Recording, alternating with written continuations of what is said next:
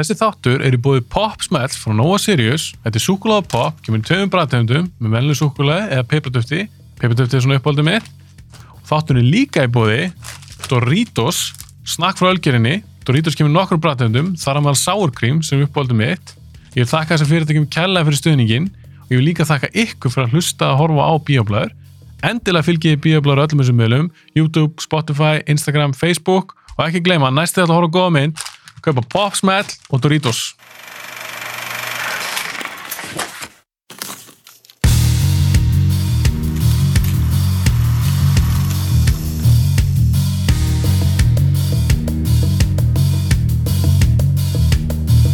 Það er ég er mikill Nexus maður Gaman að heyra það. og ég er búin að vesla við ykkur í fjöldumörg ár Er það ekki rétt munið hjá mér? Og þú kannski leiðir mér núna Hétun ekki fáfnir? Sko, hún, þetta er raun og veru fjórða nafnið á, Fjórða? á búðinni í dag. Hún hérna, sem sagt, uh, heitir núna Nexus. Mm Svo rétt undan því heitir hún Nexus 6. Skrifað með rómvöskum tölustöðum. Alveg rétt Svo undan því var hún Fápnir ah. og svo undan því var hún Góðsögn. Ok, það er og svo undan því þá var ég með, með í búð sem hétt hérna Mart, Ah. M-A-R-T. Og var það svona nördabúið það? Já. Hvenar byrjaði þetta? Ég fór fyrst í fáfni 97. Sko, við, sem sagt, uh, við sem að stofnum allt, allt á sínu tíma, Mm opnum fyrstu í raun og veru, byrjum að vera saman með þessa Mart búð, sennilega um sömarið eða vorið 92 Vá, þetta er svona gamalt. og svo stækkum við við okkur og stopnum sagt, og stopnum búðina góðsögn, Ah. sagt, nýtt nafn. Það er um jólin 92 á Rauðarastík, þar sem er núna Galleri Fold. Og það er svona fyrsta svona stóra alvöru dæmið, sko. Það var engin svona búð undan þér eða ykkur. Já og nei. Sko, margt náttúrulega var, aðeins á undan, Ah. svo voru nú oft svona litlir aðeilar að eitthvað að flytja inn, kannski selja meðfram einhverju öðru. Það var einbúð í Hafnafyrir, það var einbúð á laugaveginum. Það var svona, það var alveg komið vísir að þessu hjá öðrum. Alveg þá í kringu 90, jafnvel. Já. eða? En svona kannski fyrir þann tíma var, var, var enginn kannski aðilega að reyna að sérhefa sig í þessu. Það voru bara, fórst kannski í bókabúðunar, þar fegst eitthvað smá að myndasögum, Mhm. kannski smá roleplaying borðspilin voru bara í, í leikangabúðunum og þú veist, Eymundsson var með pocketbækur, vísindaskálsögur Mhm. þannig að það var alltaf eitthvað sko, þegar ég er alast upp þá er alveg til efni en það er bara svona langt á milli sko. maður var alltaf sveltur maður langar alltaf að vita meira um allt sem maður var að horfa á eða hvað verið að koma eða hvað verið að gerast Mhm. Það voru, það voru frekar fá tímaritt í bóði það var ekkert internet auðvitað. Mhm. og kom lítið í sjónvarpinu um svona, en maður svona náði alltaf að finna eitthvað. Varstu þú að lesa Fangoria? já, já, já, já, Fangoria, Mhm. Starlog þú veist, Film Comment, öll þessi gömlu kvikmyndablöð, Mm þetta var alltaf þetta kom alltaf eitthvað, þannig að maður, þannig gæti maður alltaf fylgst með hvað var að gera þessum heimi, sko. Svo komu myndunar hinga kannski, þú veist, svolítið sengt -hmm. jafnvel tveimur árum eftir að þeir voru frumsýndar úti en, það, en allar þessar stóru svona helstu myndir komu allar, þessar stúdíómyndir Mhm. þær komu, sko og, og svo kom líka alveg slatti af, af sjónvarsefni, sko En hver finnst þið vera svona fyrsta ofurhauðju myndin sem svolítið svona hleypur svo stað? Er það ekki, myndur þú segja að það væri Blade frekar en Nei, nei, X-Men? nei, nei, nei. Sko, fyrsta, fyrsta stóra ofurhýttumyndin, það er Superman the Movie. Er það bara 78? Hún er eða eitthvað? 78, já. Hvort hún er sínt hérna 79. Hún var alveg hæpuð í botn, sko. Á Íslandi. já, já, það var alveg geðut hæp Mm. fyrir hana, sko. Já. Blaðagreinar og, þú veist, frettaflutningur og allt, sko. Og, og langar byrðaðir þegar myndin byrjaði. Mm Og þetta var svona fyrsta, þetta var eina fyrstu myndunum, þessi og svo Grease og Saturday Night Fever, Mm. allar, allar á svipuðum tíma, sem voru svona repeat viewing myndir. Allar fara aftur á Já, fólk var að fara aftur aftur á hana. Og það má ekki vannmeta það hvað Superman 1 var mikið hitt, sko. hún, var, alveg- hún var mega hitt. Álið svona hvað mælikara við setjum á hana. Sko. Myndur þú segja að hún var meiri hittar heldur en Batman 89? Uh, Því hún var risaminn, sko. bæði og, bæði og, sko, þegar Batman kemur þá er trendið komið. Mm Superman setur svolítið trendið. Og, Já, hérna, þig. og, uh, og svo meiri segja, sko, þegar hérna, að uh, á þessum tíma líka kemur, kemur sko Spiderman sjónvarsmyndin í bíó hér á landi í stjörnubíó. Og það er svona í bíó Já, hér. já, þannig að hún var, þú veist, samsettur einhvern tveim þáttum úr sjónvarseríunni Já. með Niklas Hammond í aðalhuturki og hún kom hérna stjörn- í stjörnubíó og ég fór á hana í stjörnubíó. Ég man ekki nákvæmlega hvað ára það er en það hefur verið svona í kringum þetta 78, 9, 80. Hva, hva, hvað erst þú gammal? Ég fættu 68. Já, Ég ég að kannski 10, verða, ég er að 11 verða ára. 53 og hérna ég er sagt, já, ég er að fara einn, einn í bíó svona upp úr kannski 10, 10 ára aldri Já. 78, 9 og uh, það er fullt af myndum á þessum tíma. Það var, og, og við erum meira að tala um sko, það voru alveg ágætis myndir sko pre-Star Wars. Star Wars kemur hérna í oktober 78 áður en hún kemur í bíó þá, þá er Close Encounters búin að koma undan henni. Mhm. þá hann hafi verið sínd á eftir í bandaríkjanum Logan's Run var, þú veist svaka mikil titill fyrir, fyrir þá sem voru sci-fi þetta andur Mhm. á þeim tíma. Hún er hérna 77 sennilega, hún er 76 í bandaríkjanum sennilega 77 hér. Og þannig að það er alveg heilmikið að gerast í bíómyndum á þessum tíma en, en það er ekki komin eitt vídeo þá Nei. þannig að bíó er eini sensin til að sjá sjá svona efni En mannstu að þú varst yngri, var fyrir þér, hvort var stærri mynd? Var það þá Superman eða var það Star Wars? sko Superman var hjúts og hérna síðan hérna fæ ég að sjá Close Encounters á undan Star Wars Ah. Close Encounters var alveg svakalega flott bíóferð sko á þeim tíma, Ah. alveg mögnuð mynd síðan kemur náttúrulega Star Wars og Star Wars er náttúrulega er, er, er hérna game changer, Mm -hmm. algjör. Hún var það alls þær í heiminum, líka hérna á Íslandi. Já. þeir voru bara óvinni seinir að sína hana þeir voru alltaf að draga og draga það. Hún var búið að auglýsa hana sem sko páskamynd 78 þú veist, svo, þú veist, svo endan kemur ekki fyrir í oktober maður var búin að býða og býða að vera alveg stjörnu vittlis að ég býða því að ég vissi allt um myndina löngu en hún kom Út frá svona blöðum til dæmis, út frá bæði kvikmyndablöðunum sem maður Já. hafði lesið í búðum eða kift sko. svo átti ég myndasöguna á dansku þar sem var alveg farið í Marvel myndasöguna sem að, og sem að, ég hefði fengið gefins í hefti á dansku, ég hef búin að lesa alla söguna og búin að sjá fullt af stils og, production málverk eftir Alf McQuarrie Já. þannig að maður, var alveg tilbúin sko. og, og hérna ég skil alveg þetta fólk í dag sem að eldir upp einhvern einasta hver einstu smáfrétt um mynd sem það er að býja eftir Já. þetta er nákvæmlega sem ég gerði Mm nema það bara var til eitt þúsundast eða því sem er til í dag En finnst þér meira, eins og uh, í dag, þú getur fara á netið, þú getur séð miljón trailera, þú getur séð TV-spotta, stundum er svo smá behind the scenes, miljón greinar, fullt af efsum. Var hitt ekki aðeins meira spennandi? Það er svo erfitt að meta sko. ég, veist, ég er bara alveg upp í þessu umhverju þar sem það var veist, bara frétta þurð Mm og bara hver, þú veist, maður fann bara novelization bók á einhverju bíómynd þá, bara, þá var það bara að finna gullmóla Já. eða eitthvað tímaritt sem að fjallaði mynd sem var, var að býða eftir Já. þannig að sko, svo, svo var það bara að gera eitthvað annað þú veist, það var ekkert þannig að ég veit ekki ég held að kjarni sé alltaf svo sami. Ég held að ég hafi, byggðið mig sömu eftirvæntingu eftir myndum eins og þeir sem eru að lesa allt á netinu í dag. Þetta er bara þetta, ef þetta er, er áhugamáli manns, ef þetta er svolítið Mhm. passionum manns þá er maður bara, þá er maður bara rosa spenntur og maður er að vona að þetta takist vel til og þú veist að leikstjórin gerir enn eina góða mynd og, og eða framhansmyndin verður góð. Já. ég held að þetta hafi ekkert breyst.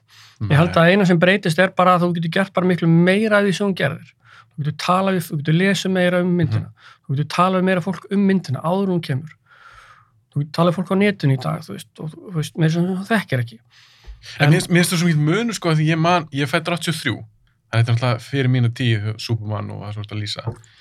En ég man bara þegar ég er yngri, 10-12 ára þá þú vissir ekkit allt kannski um myndina. Þú fæst ekkit alltaf trailer sem síndi bara allt. Í dag finnst mér orðið svolítið þeir eru svolítið gróður í þessu. Maður sér þetta trailer og þeir fara kannski bara beat for beat yfir myndina, já, skilur hvað við? já sko, ein, ein, á einhverjum tímapunkti gerði Hollywood eitthvað, eitthvað market, market research og þeir komist bara að því að fólk vildi vita megnið af fólki, greinlega mainstream Já. það vil bara vita nákvæmlega hvernig mynd það er að fara á það er bara, það er með einhverja væntingar, ég ætla bara fara á svona mynd Já. með þessum leikurum, ég vil vita nákvæmlega hvað ég er að fara á, ég vil ekki að neitt koma óvart, þú veist, ég vil ekki að það sé einhver mynd sem er auglýst sem einhver sci-fi hasarmynd, svo fer ég á hana og hún er bara einhver rosalega, þú veist, film noir hérna, detective mynd það, það var dæmi með Blade Runner sínu tíma sko. Hún bara auðvist eins og Star Wars þannig, þannig, að- þannig að í dag seg, segja Hollywood bara hérna það sem við ætlum að fara að horfa á það er bara nákvæmlega svona Hvað finnst þér það sem, sem neytandi? Ég er náttúrulega sleppið í að horfa á trailera. Ef þú horfir ekki þetta. Ég horfa á teasera Já. og hérna, bara svona til að það mér langar að sjá lúkið. En svo um leið og, sko, ef þetta mynd sem ég er að býja eftir, ég er spenntu fyrir og, og það þarf ekkert að selja mér hann, ég er að fara, fara að sjá hana. Mhm. Þá horfi ég ekki á trailerinn af því ég vil að sem mest komur óvart. Og ég hef þurft að hlaupa út úr bíó bara því ég glemdi að já, það verður auðvitað síndu trailerinn úr Star Wars að því sem ég er búin að vera að passa með að horfa ekki á. Já. Eða þá ég þarf að taka fyrir, taka fyrir augun, augu og eigu Heldur og, fyrir eirun. og hérna, það er alveg gerst og stundum ég líka bara sleppti að fara inn í salin fyrir að trailerinn eru búnir. Já, þú ert alveg það harður. Já, já, ég, ég, það, fyrir vissa myndir. En svo eru aðra myndir sem er alveg sama. Ég meina Godzilla vs. Kong. Það er má alveg sín með trailerinu henni. Já, það er ekkert að vera íðilega myndir. Já, ég veit að það eru og allt springur þannig að það er ekki að gera það. En finnur þú, ég að spyrja því eitt, finnur þú fyrir, eftir þess að myndi byrja, þess að núna er Marvel og svo svakalegt nafn, þess að myndi kom út, hefur þetta ekki svolítið mikil áhrif á þess að þú ert að selja Nexus? Sko við getum sagt að prófíl þess sem ég er að, er að selja er orðin tífalt það sem það var þegar ég var að byrja. Eða- Bara eða- þannig úrvalið? Nei, bara í, í bara hvað fólk veit. Bara hvað er margir meðauðar um þessa kvikmund að geira og, og, Ég og, og, þessi spil og hvað er í gangi. Mm -hmm. Þetta er ekki lengur bara einhverjir, einn í bekkum út í hotni að gera eitthvað. Þó sé reyndar þannig stundum í sögum bekkjum. En þetta er miklu þekktara. Þannig að, að sko landslæði er alveg svart og hvít hvað mjög var það. En nákvæmlega hvað hefur haft áhrif á hvað, þetta er allt erfitt að segja. Einhver kannski X-Men bíómynd kemur, Já. hefur, ein, við sjáum engin mælilega áhrif á söguluna X-Men myndasögum. En leikfengum, En þú, jú, jú, kannski eitthvað, en, en þetta, svona, þetta byggist alltaf hægt og rólega upp. Er ekki, þetta er ekkit alltaf, veist, það eru miklu, miklu fleiri að horfa Marvel myndir í bíó heldur hérna að köpa Marvel myndasögur. já, Þú veist, reyndar, 50 sunnum fleiri reyndar. og verður alltaf þannig, því að Mhm. það er bara, veist, það er bara ákveðin hópur fólk sem er búin að venja sig á að lesa bækur eða Mhm. myndasögur. Mm -hmm. Og ef þú orðið 20 og eitthvað og hefur aldrei vanist á að lesa myndasögur eða bækur, Mhm. þá ert ekki fara að taka það endilega upp þó að það hefur hort á góða Marvel mynd. Ég vilti meina það að sé erfiðar að breyta þegar þú ert orðinn fullorðinn. Að breyta þeim yfir í kannski myndasögu. Já, það, já því miður, sko, það, það verist vera með ven, menn venni svolítil fljótt á svona sína afþreyingu. Mm, Að, að, að, að þau bara vanir að sækja þetta, það er auðvildast það eru bíómyndir eða þættir eða tónlist eða, eða, hérna, eða lesa eða lesa myndasögur eða vera Mhm. tölvuleik svo, svo erum við svolítið svona boxed in oft finnst mér í þessu og svo eru aðri sem kannski eru meira svona generalistar og, og eru svona svolítið í öllu en, en, en maður vil kannski ekki vera alhæfa en ég hef alveg séð það að, að hvað hlutfall þeirra sem le, lesa Mm. sér til ánægju hvort sem eru myndasögur eða, eða þingri texta í bókum, það, það er alltaf að minka Sé, en- finnst þú að sjá það í Nexus? algjörlega, sko, við sjá og bara það er líka bara að vita öllum rannsóknum en, það, en aftur á móti er mjög, er mjög gleðilegt að, að, að sko, það er ofsalega það er að stakka mjög hratt hlustandahópurinn á hljóðbókum Já, reyndar. þannig að þú veist það, það er alveg, veist, er alveg jafn gildi þess að, að þú veist, einhver hlustabók eins og hann lesa hana fyrir, fyrir verkið, getur maður á þannig En eins og fyrir þig persónulega, þú, lestu frekar eða ertu í hljóðbókum? ég er alltaf, ég les, ég les alltaf sko. ég get ekki hljóðbækur Nei, ég erfitt líka. með podcast ég er vola sjaldan að gera eitthvað sem ég get á sama tíma að vera að hlusta podcast eða hljóðbók þannig ég er mjög fljótur að lesa þú veist og ég les bara mest sko. En hver er líka Já, algjörlega. En hver er þú, að sé, skýringin á svona, hver er þín tilfinning? Að uh, fólk les bækur, skáldsögur, æfisögur, það þykir bara allt í lægjan að geslappa. En svo finnst mér þess að sé smá svona stigma ennþá við teiknundusögur. það er það og hefur, allt, hefur, hefur alltaf verið sko, á, á Vesturlöndum Þetta er svo vandaðar sögur í þessu formi. ég veit að þetta er bara, þetta er bara eins og ímynd það er, það er aldrei neitt farið í einhver ímyndar baróttu til að laga ímynd myndasagna þær eru bara, þú veist, þær eru ennþá jáðarmenning Mm -hmm. og þær eru líka lestur og við erum aðtöða það að það er alveg góð af fólki sem bara les ekki þannig þú, þú, byrjar alltaf með potensiali minna, minna audiensjaldinu fyrir sjónvastátt eða, eða útvarp eða, eða jafnvel hljóðbók. Af því að, að sko lestur er skill. Þú verður að læra, það byrjar, það byrjar að kenna bönnum að lesa mjög snemma. Mm og það verður að gera það ef þau verða góð að lesa á þeim eru orðin unglingar. Af því að lestur er frekar, frekar erfitt skill, þetta er bara, bara tækni sem við fundum upp. -hmm. búa til texta. Miðla upplýsingum með texta og þú ætlar að lesa þétta skálsögu þú þarft margar ára æfingu í lestri upp að því. Það er mjög góð punktur. Og ef þú missir af því ef, ef, ef, ef þú gerir bara kannski lámarki í skóla enginn er að íta að þér bókum og finnur ekki neitt sem þið langar til að lesa. Það er alltaf bara einhver skilda það er bara alltaf verður að lesa einhverja skólabók. Þá bara nærði ekkert þessari færni. Fyrir utan það, það verist vera ágætis ágætis fjöldi fólk sem bara á mjög erfitt með þetta, kallum það dyslexíu já, mitt, ja, ja, sem er til í margskonar formum í raun og veru og mismunandi. Og maður má ekki gera lítið úr því. Að, að sama þar, ef það, ef það er ekki takla mjög snemma hjá börnum að þá eiga þau mjög erfitt með lestur og mun ekki sækja í lestur. Og fá enga ánægt í fá enga ánægtur í þannig að sko við kall, oft kalla indislestur mm -hmm. þannig að ef þú venur þig ekki á það þá er ólíklegt að takja upp heila skáldsögu veist, og lesir hana. Eða heila trilógi eða, eða tíu bóka serju þannig að þessi hópur virðist alltaf vera frekar lítill Mm -hmm. en alltaf stöður, svona frekar stöður en það virðist alltaf vera minga hlutfallið af, af fólki í hverjum árgangi sem stundar indislestur en aftur á móti er kannski hljóðbókanótkun að aukast mikið sem er mjög jákvæmt á móti sko. það er bara eitthvað við það finnst mér persónulega þegar ég held á bók ég finn fyrir pappinum, blöðunum ég kýst það frekar en þetta mis iPad eða Kindle persónulega, mér finnst það bara einhvern veginn svo upplöfun að lesa bók sem er þá prentuð mér finnst einhvern veginn ekkert komið í staði fyrir þá upplöfun Erst þú frekar í þá Kindle eða? ég get gert bæði sko. Ah, finnst það engin munur? uh, mér finnst oft betra að lesa Kindle bara því að, því að þú veist ég orðin fjár, hérna, fjársýtni heldur en ég var Mm -hmm. þá get ég stakka textan og það er ekki nota gleru Mm -hmm. en ef ég er að lesa bók þá þarf ég gleru en hérna og, en Kindle virkar alveg fyrir mér. En uh, það er samt eins og segir, það er ekki alveg að sama sko, þetta hefur verið rannsakað Mm. og það hefur verið gerða kannanir á sko lestraskilningi Já. fólk er látið að lesa sama texta veist, útprentað á blaði eða svona sett eins og í bók eða lesið á tölvuskjá eða lesið á Kindle. Já. og lesskilningunum er, allt, alltaf betri þú ert með þetta á fysisku formi. Það verður verið eins og heilin sko, einhvern veginn skinni betur hvað hann er að díla við. Er þegar hann sér hvar byrjunin er og sér hvar endurinn er og sér hvernig hann er inn í miðjunni skilur einhvern veginn svona magnið af verkefninu sérst en þú ert með þetta tölvuskjá þá einhvern veginn verður þetta bara einhver þoka þú ert bara þarna þessum stað og veistir henni ekkert hvað, hvað þú kemur eða hvert þú ert að fara Það er góða punktur. og þetta er mjög, þetta er mjög áhugavert sko en það hefur líka sérst sko að, að kindl, kindlarnir þeir hafa ekki unnið á eins og menn heldu pappisbókin hefur ekki gefið eftir eins mikið og menn heldu fyrir kindlunum Sérðu þegar hún degi út? Nei. Bara aldrei? Nei, ég held ekki Nei. ég held ekki sko. Ég held einmitt einmitt að núna að þegar að, að, að þú veist stjórnvöld og skólanir vita þetta að lestur fyrir minkandi Mm -hmm. þau munu setja meira púður í að, að efla lestur Akkur finnst þér lestur mikilvægur? uh, sem það er náttúrulega aðla bara vegna þess að þú ert svo miklu fljótari að skanna upplýsingar með Frekar ef að þú ætlar að fara að læra eitthvað, að fara eitthvað nám Mhm.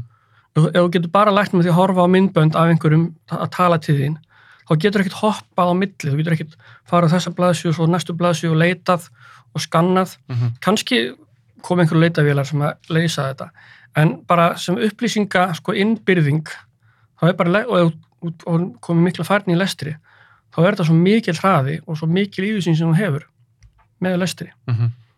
og meðan að, að, meðan að, sem sagt, uh, að hlusta og horfa er meira svona línulegt sem verður svona að sita alveg yfir sko. En mér finnst líka bara einhvern veginn heilin minn, ég finn bara einhvern veginn að hann virkar öðruvísi því ég er að lesa, eins og på bók eða eitthvað, frekar en því að horfa á, á sjónvarp. En mér langar að samt spyrja, mér finnst áherslu nefndi það að þér finnst ekki verið neitt tenging beint.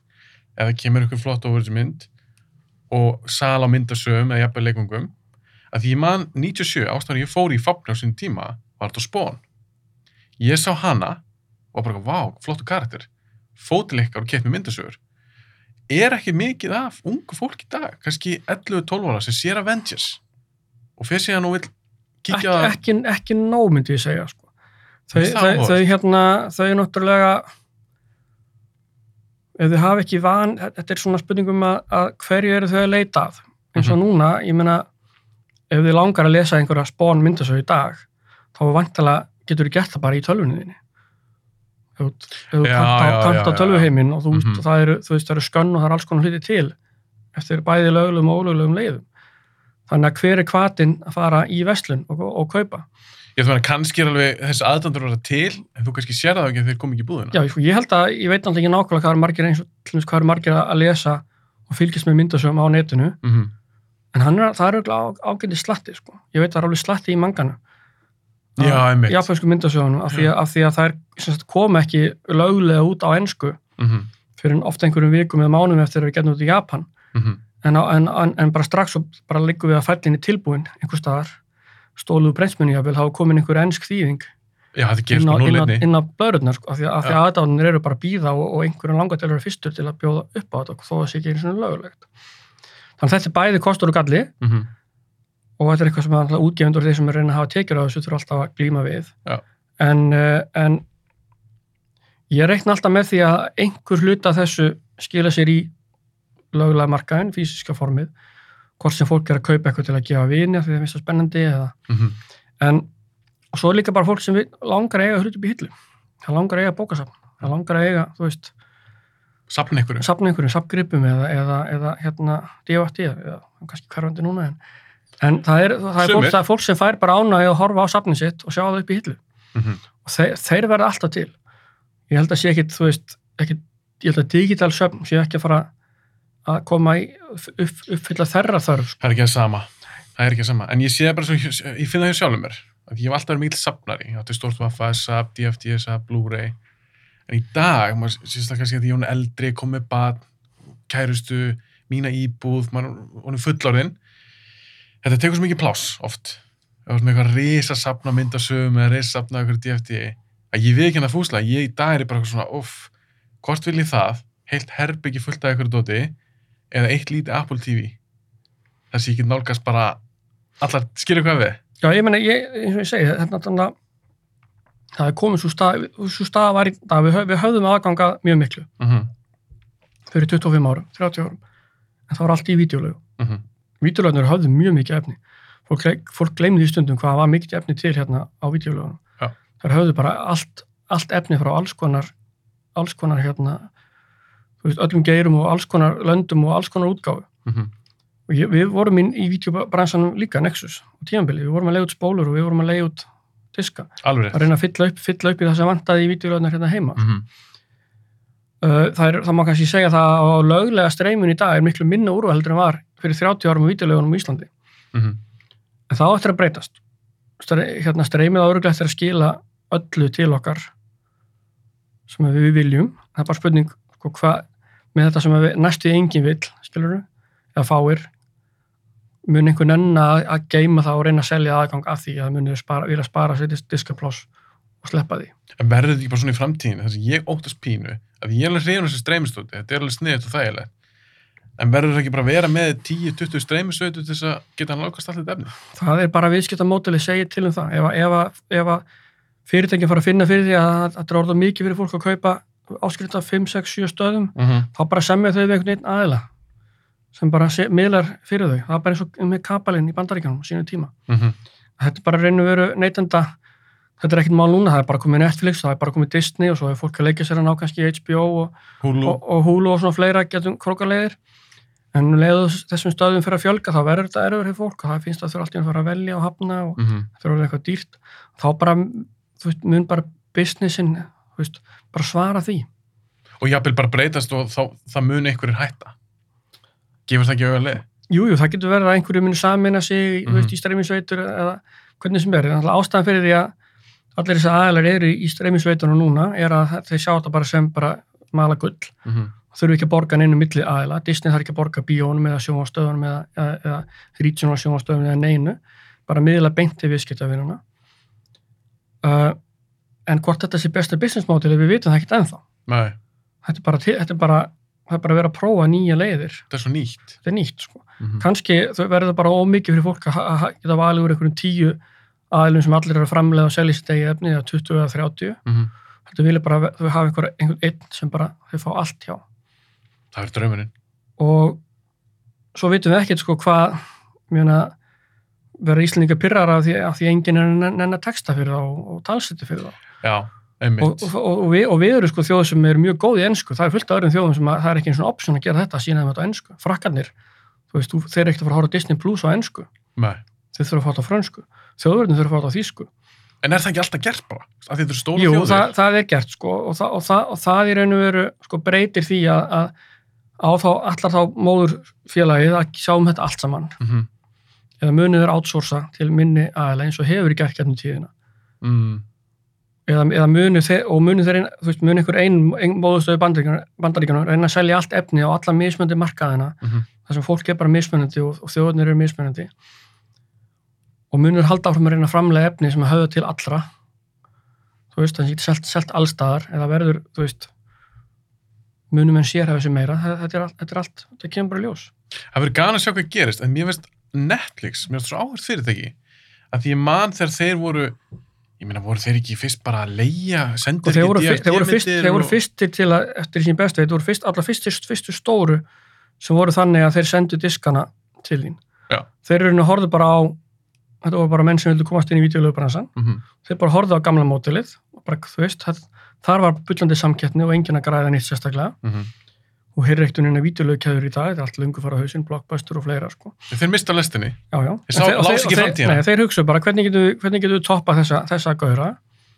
Og þá finn, fóru í þetta að senda myndir til fólks, Mhm. leiðum að hafa í nokkra daga og, og þetta kerfi og ég veit ekki hvernig söndu við stúdíóin með, með það, en, en, en einhvern veginn virka, virka þetta bara mjög vel. Það virka með þess að það vel að þegar þið byrjuðu að bjóða upp á streymi, sko, þá var fólk mjög skeptis, sko. Mhm. Og hérna, og, og, og það voru, veist, mikla deilur þegar þú voru svona að neyða fólk til þess að fara, fara yfir í streymi, sko. Mhm. En núna alltaf vitum við að það, þetta virkaði hjá. En það sem er líka svo sniðið þá, þeir byrja að se- með þetta streymi og það er vinsalt í dag eins og segir og það virkaði, en þeir ger ekki bara það þeir fóru líka framlega þessi degi efni þeir sáu fram á það Já, að þeir ætla bara að treysta efni frá öðrum þá munir fara á hausinn já sko, þeir, þeir, þeir, bara, þeir eru bara að hugsa, sko, veist, af hverju, eigum við, af hverju erum við að deila innkominni með, með öðrum? mm -hmm. Hvað getum við gert til að halda meira afinni sjálfur? Þeir eru að fá álætningu hinna Mhm. til sín. Þegar þú ert að deila efni með einhverjum öðrum, þá, er það hans, þá er hann að taka hluta álætningunni þinni, basically, eða svona. Þannig að, að, að að það er náttúrulega líka að byrja, þetta byrjaði bara mjög vel hjá þeim, að fyrstu seriðum sem þeir gerðu, gengur mjög vel. Mhm. þannig að, þannig að það, það er ekki skrítið að þeir skulle hafa haldið áfram í sögum átt af því, af því þau náttúrulega áttu sjálfu ekkert content. Og voru bara háður öðrum. Þannig að, að, að þau þurfa að byggja upp sitt eigið content meðan aðri kannski eins og Disney bara sátu á veist, miljónum klukkutíma af, af contenti sem þeir síðan sáu auðvitað fram á að auðvitað verður við að fara að dreifa þessu bara sjálf. En þeir, mér finnst bara svo sniðið þegar Netflix sáu það. Þeir einhvern veginn að lesa í framtíðina og það er að rætast í dag. Það er allir að byrja með sín það, er all, það er alltaf einhver sem veður á réttan hest. Já, já, en, en, en, en svo er einhver 50 sem gerði það ekki Blockbuster hefði ekkert orðið svo Netflix alveg páttjett sko en þeir eru ekki til í dag Nei. bara svo keðja bara, þetta er, alltaf, þessi klassíska klassíska mantra að þú verður að innoveita, þú verður að nýskapa, þú verður að gera eitthvað nýtt til, að, Mhm. til, að, halda, til að hanga inni. mm -hmm. Ef þú bara ert alltaf þessu sama, gamla, aftur, aftur, þá, þá kannski missur bara lestinni og, og, og endar sem síða, síðasti, síðasti hérna, maðurinn sem fram, framleiði svipu fyrir hestavagna. Já, það er alveg málið. En mér finnst sumir ekki fatt alveg, kannski fólk er fljótt að gleyma, hvað Netflix voru sniður. Mér finnst það bara svo áherslu að fylgjast með þessu. Að þetta er ekkit, mér finnst ekkit oft sem að sér bara hvað fyrirtæki lesa svona skýrt í næstu ári. Ég sko, hvað, hvað vita menn fyrirfram? Það veit engin eitt fyrirfram. Mm -mm. þú bara, þú reynir að skanna landslæði, þú reynir að ímynda hvernig hlutinni verða, þú veðir á eitthvað, þú veist, og ef þú, ef þú veðja nógu fast, skilur Mhm. og hefur nóg, kannski nóg mikla trú á því og er tilbúin til að takast á við áföll svona til að byrja með og, en, en, og ekki gefast upp, Mm -hmm. að þá ert þú kannski fyrstur. Já, já, Og svo koma á eftir þér og, og, og herm eftir þér og, kannski bara endan vítaði út á þessuna, kannski. þó þú hafi verið fyrstur. En mér langar aðeins að fara út í annað sem þið er að selja. Að þið er ekki bara að selja með teiknundasögur eða bara DFD eða Blu-ray. Þið er líka með leikföng, stittur, bolla, alls konar hluti sem er ekkert að ná í á torrent. Já, Þannig ég fór svona að velta fyrir mér. Er engin sjáleið tenging þar að það kemur geggjuð Avengers mynd að þá vil allir Jú, fá America skjöldin? Jú, jú, við getum alveg sagt það, sagt það að, að, hérna, að það, í, í þessum geira Mm. af því að það, það er ekkit, ekkit byggt á því að fólk sé að lesa endilega Nei, eða, eða, eða, vanti að spila. Það getur hver sem er kipt sér bolla með Captain America aðdándi. Þannig að við sjáum það alveg. Mhm. við sjáum alveg að, að, að vinsælar bókaserjur eða vinsælar bíómyndaserjur eða sjónvaserjur hafa sjálfsögðu áhrif á sögulega varningi. Og það, þetta byggist bara mjög mikið á því hva, hvað er, þú veist, hvað er nýtt, þetta er oft svona hvað er nýtt og spennandi, Uh -huh. hvað er svona cool og hvað er nýtt og hvað er svona klassist sem virkar alltaf. En finnst það að færst í gæðmyndarinnar? Uh, það fyrir algjörlega eftir gæði myndarinnar í huga fólksins sem að horfa á hana. Meina, þú veist, þetta er allt, þú, þú, þú kaupir þetta ekki, þú veist, uh, veist kön, krukku eða könnu eða glas, mert einhverju IP Mm -hmm. eða einhverju vörumer, vörumerki mm nema þú fílir það. Ég bara að velta fyrir mig hvort sem munur á þessu að við tökum bara Infinity War. Hún var vinsæl, flestir sammálum með þessu flott Avengers mynd og það verið góð. Svo kannski önnur, við tökum bara Thor Dark World sem fekk ekki góða dóma, flestir voru ekkert að fíluna.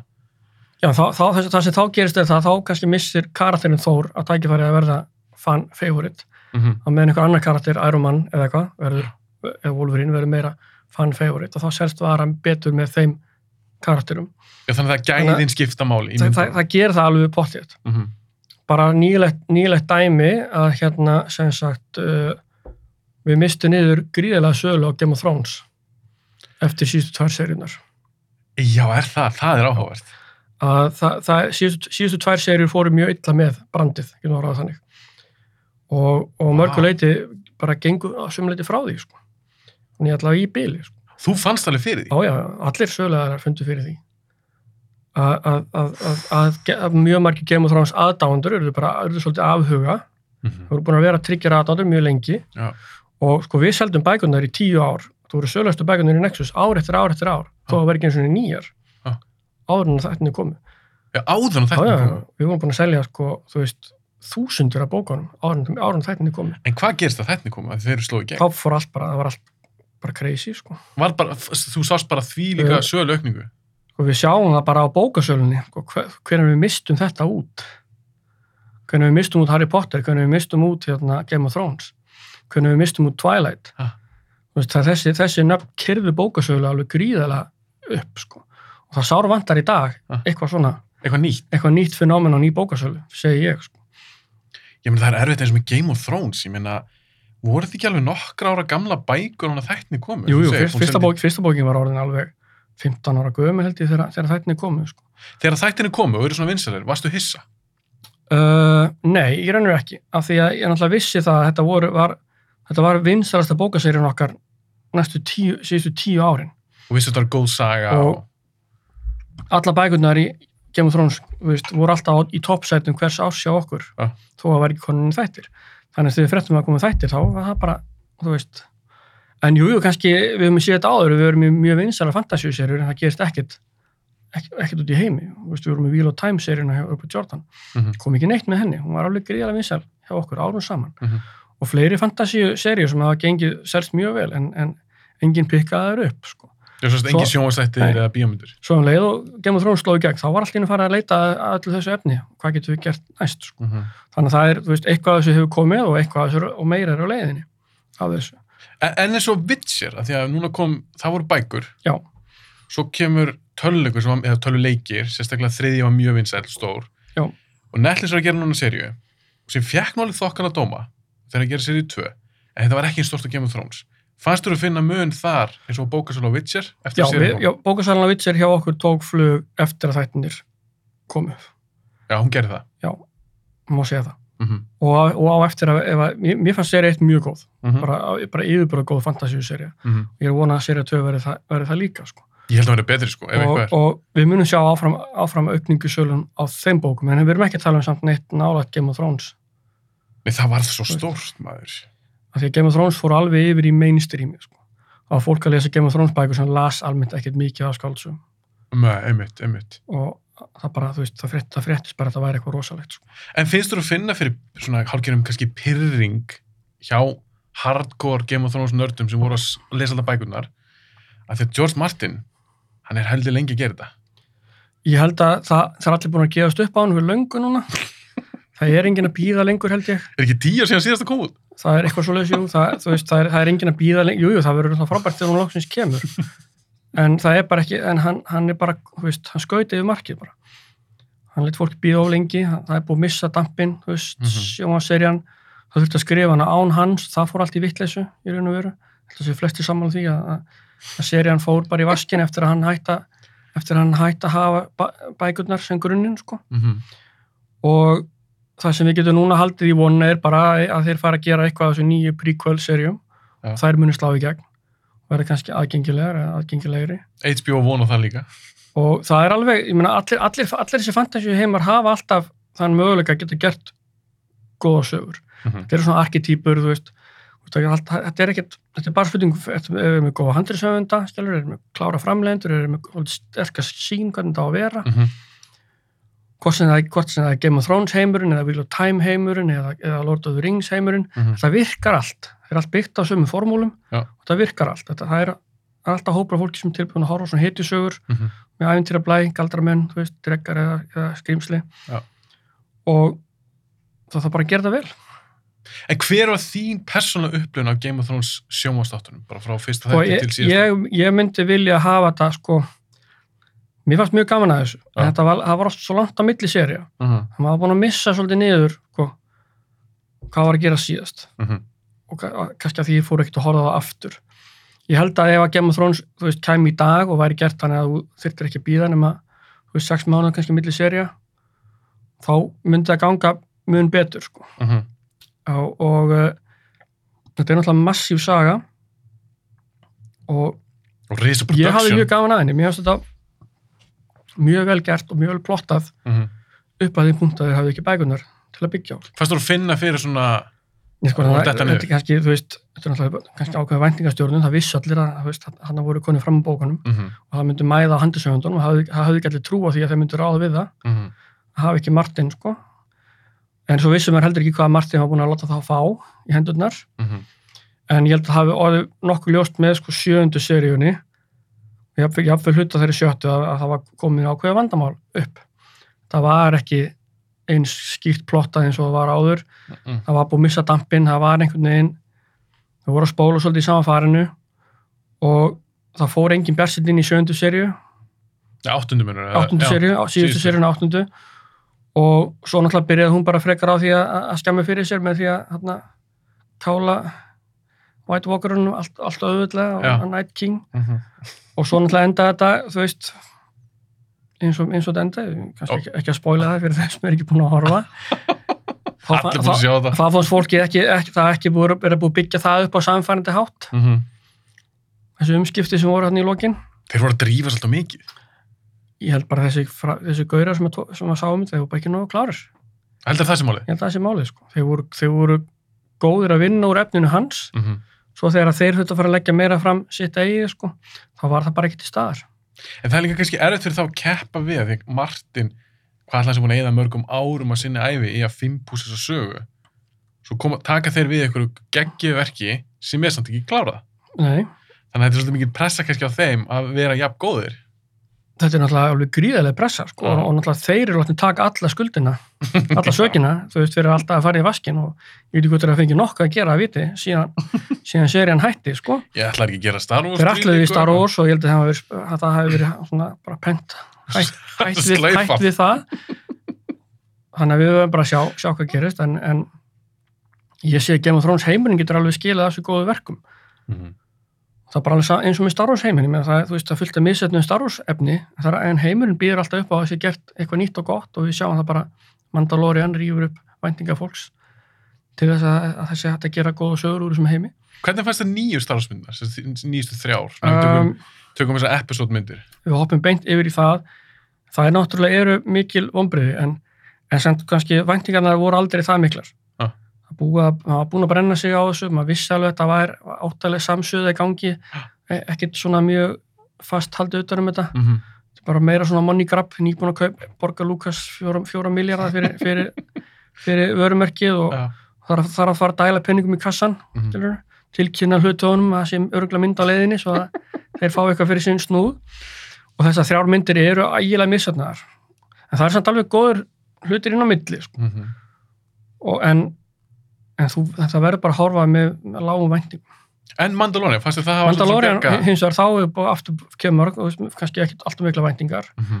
og þá er þetta bara svona basic einfalt Star Wars. Þetta er, Mandalorian er bara í algjörlega anda myndasagnana og skálsagnana sem hafa verið gerðar. Mhm.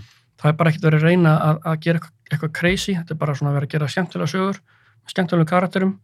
Og þarf ekki að, heimurinn þarf ekki allur að, að- að vera veði skilur, eða, eða the force, eða the balance of the force Einmitt. þetta er bara eitt gaur að þú veist, reyna að bjarga sér skilur, og, og, og það er alveg nóg Já. þessi heimur býður alltaf upp á þetta þetta er, Mhm. þetta er bara fantasy og sci-fi setting bæði í einu og býður upp á að, að, að, að fólk sem er bara hefur, einhver, hefur bara góða frásagnar gáfu, Mhm.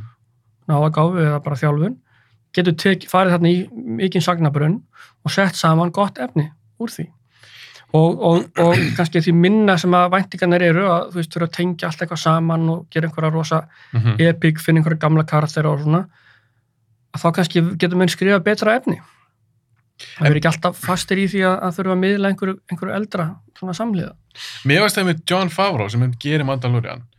Það sem hann- besta sem ég held að hann hafi gert var að fá Dave Filoni með sér sem gerir gerði hann að Clone Wars, teiknumynda veiktumyndunar, já, já og þeir eru alveg vel liðnir af Já. hardcore aðdándum. Þannig að þeir, gera, þeir saman eru að gera góða hluti. já, þeir, það það sem böggaði mig alltaf við, við Star Wars, því ég fíla hann heim. En mér fannst þér alltaf að fókra bara á sömu karakterina og sömu blánunar. Akkur sína okkur ekki eitthvað, gefa okkur eitthvað nýtt.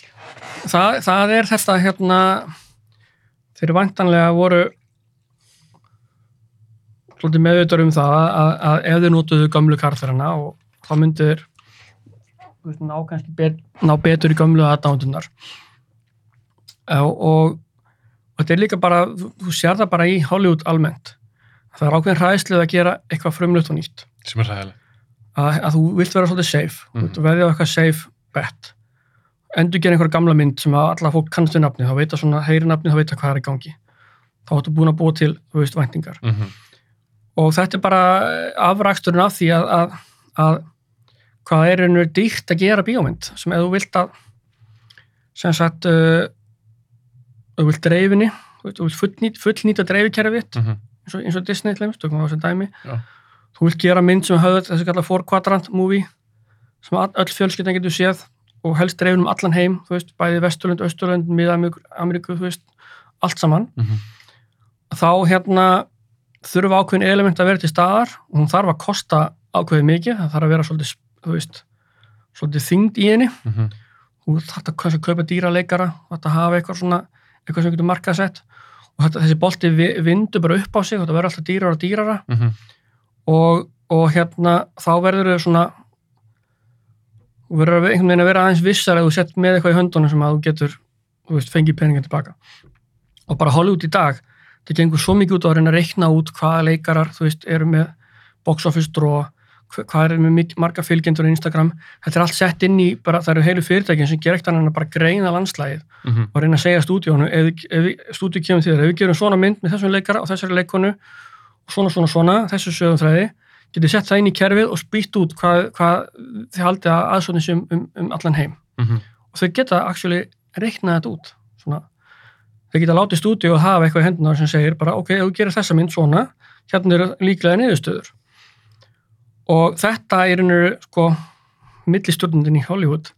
Hann getur tekið þessar niðurstöður farið með til síns yfirmanns og sagt "Það- hérna er, hérna er verkefni sem ég er að vinna við hérna er búið að reikna allt út. Þetta er safe bet fyrir 200 miljónir og það er það sem þáttu búin að reynur varpa ábyrðinni yfir á kerfið. En þarna varst að lýsa, ég skil hvað það tala um og þetta, þetta er pottit svona. En ég hugsa með mér, hvað í öllu þessu ferli, hvað er ástriðan? Hún er alveg til staðar, hún er alltaf mest til staðar hjá listamennunum sjálfum sem eru endan að ráðinir í verkin þetta er kannski óttalega svona, þú veist, þetta er mikil business, Mhm. þú veist og framleitindir eru, eru oft ekki, yfirleitt ekki kvíkmyndagera menn, þetta er bara mest oft bara drifið mikla einstaklingar sem hafa, sig upp í gegnum, gegnum kerfið Einmitt. og fyrst gaman að bara að vila og díla og vera að eiga peninga og vera stórir en á endanum fer verki hendunar á alvöru listafólki sem er, þú veist, með passion fyrir frásögn, fyrir, fyrir þú veist, kvikmyndagerð, myndatöku þú veist, leik, öllu Mhm. saman. Og þau bara ræða þessu rétt saman. Og þau fá að vinna sitt verk. Þá verður útgáfan yfirleitt góð. En ég meina Hollywood er búið að vera að blanda business og list í hundrað ár. Mhm. þú veist, fyrstu kvikmyndagerðmenni voru bara businessmenn í raun og veru. Ég, ég skil það alveg og ég veit að þetta verður alltaf verið þannig. En mér finnst þessu í dag, maður heyrir eins og Kína, það eru stórmarkaður. Það er miklu stærri markaður í dag fyrir kveikmyndir heldur en var fyrir einhverjum árum. Þannig að Hollywood er kannski að fara að pæla í, herðu, gera bara Transformers, fullt af tæknibörðum, fullt af sprengingum, að því einhver sem er, býr í Kína og einhver sem býr í Texas í Bandaríkjónum, hann fær sömu ána út, úr- þessu, að þetta er bara sprengingar. Þetta er bara spektakul, skilur hvað við? Í staðan fyrir kannski að setja meira púður í handrit. já, já, já, já, persónusköpun. já, já, það, það er alveg rétt að, sko, að, að þau eru svolítið að fara til formúlinu, þau, þau, þau ákveða að ætlum að gera Transformers mynd Mm -hmm. og ætlum að sína hann eftir þrjú ár út um allan heim. Það er ekkert byrjað að pæli því hver verður sagan í þessari Transformers mynd. Það er bara búið ákveða, hérna, þá var að gera nýtt eintak af þessu vörumerki og dreifa því. Og hérna, svo er farið að hóa í einhverja til þess að sjá um að gera myndina. Já.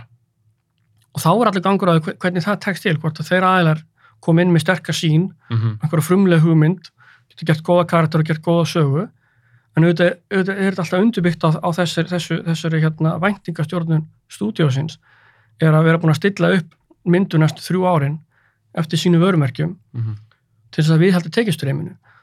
Það er ekkert verið að gera nýja Transformers mynd af af því að það fannst gott Transformers handrit og í skuffu. Nei, Það er bara búið að ákveða þarna á að gera Transformers mynd. já, Þannig að það byrjað, það er byrjað á öfum enda, það er það er ákveðin frumsýningadagur fram í tíman til, a, til að fylla sem sagt hérna hluthafana af, af öryggi. Að það sé nú öryggið að setja aðeins meiri peningi og köpa Disney hlutabrið því það er svo gott planhjáðu næstu fjögur árum með myndir en það er engin, það er engin lesin hitt af þessum handreitum.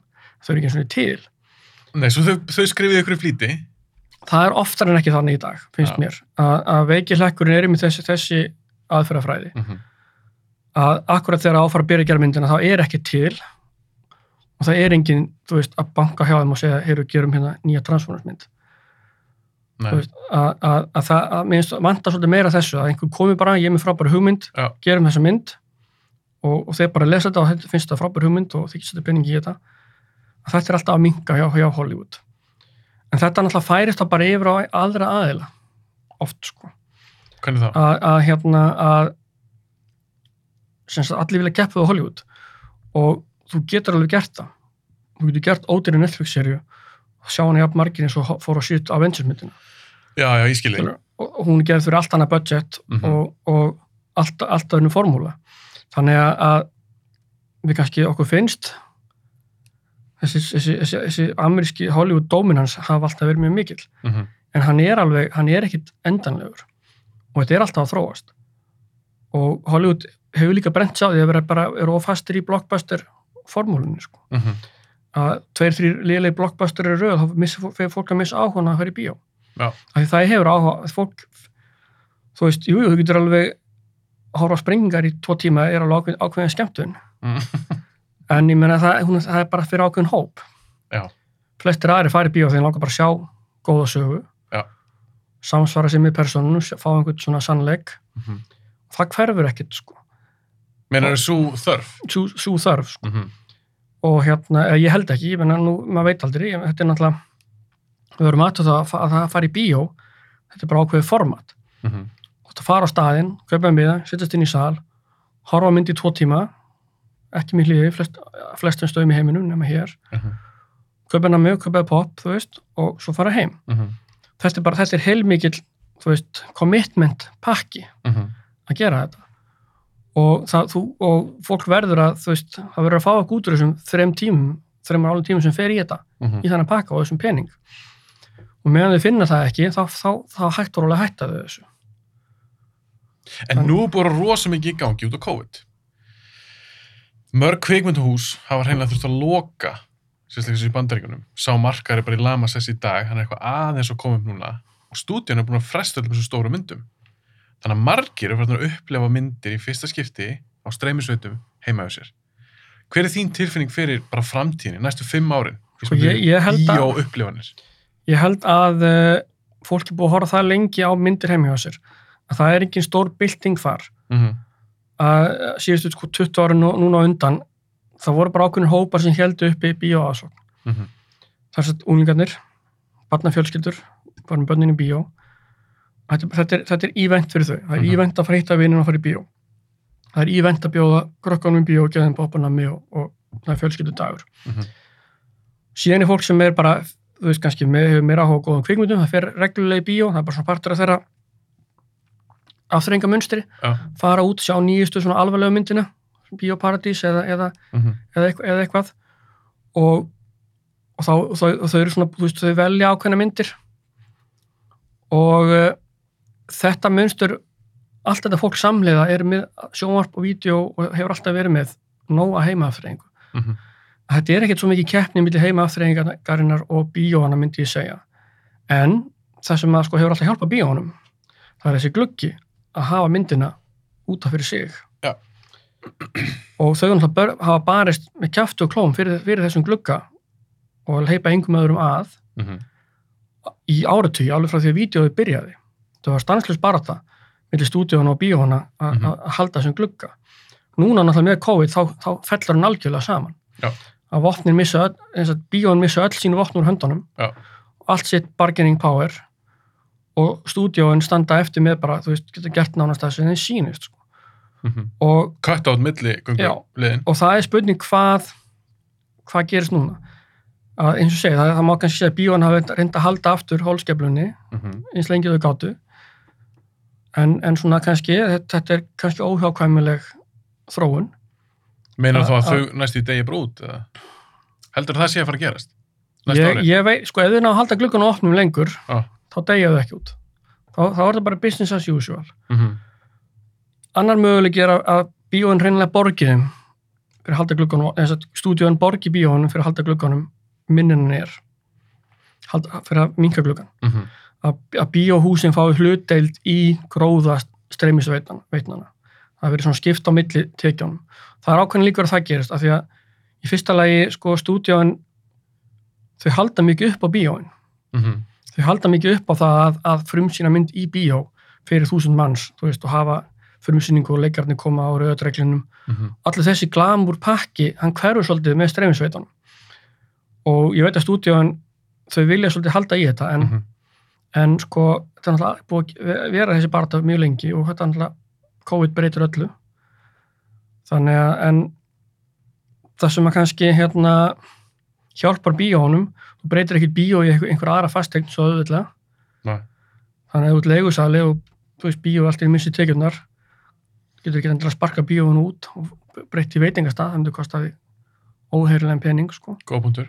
Þannig, að- þannig að það hjálpa bíónum að, að hvað hva þetta er rauninu svolítið svona fast fyrir Mhm. þetta mótil og þau eru svona en ég held að, að þetta endi með einhvers konar kompromæs Mhm.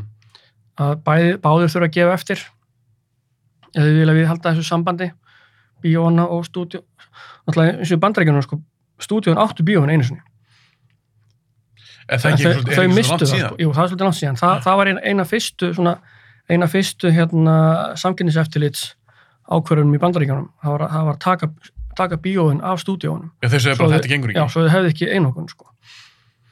af því að þau höfðu algjör einokun litlir aðeins sem voru að fremlega myndir komist ekkit að í bíóin af því bíóin Já. annarkot voru búin að áttu bíóin sjálf, stúdíóin eða þá bíóin voru búin að gera einhverja rosalega eh, enga samninga við við stúdíóin sko. og þetta fór sanginninseftillit í bandaríkjanum í sko, og leisti það upp Og þá kom bara að það voru aðri sem eiga bíóin Já. og sumir sem eiga stúdíóin. Fylgdist eitthvað með hvað Bros. ætlar að gera núna í ár? um, Þeir ætla að gefa út nýjustu myndinni sínar, bara alla myndinar, stóra myndir líka, sama dag í bíó og HBO Max þeirra streymisvitu.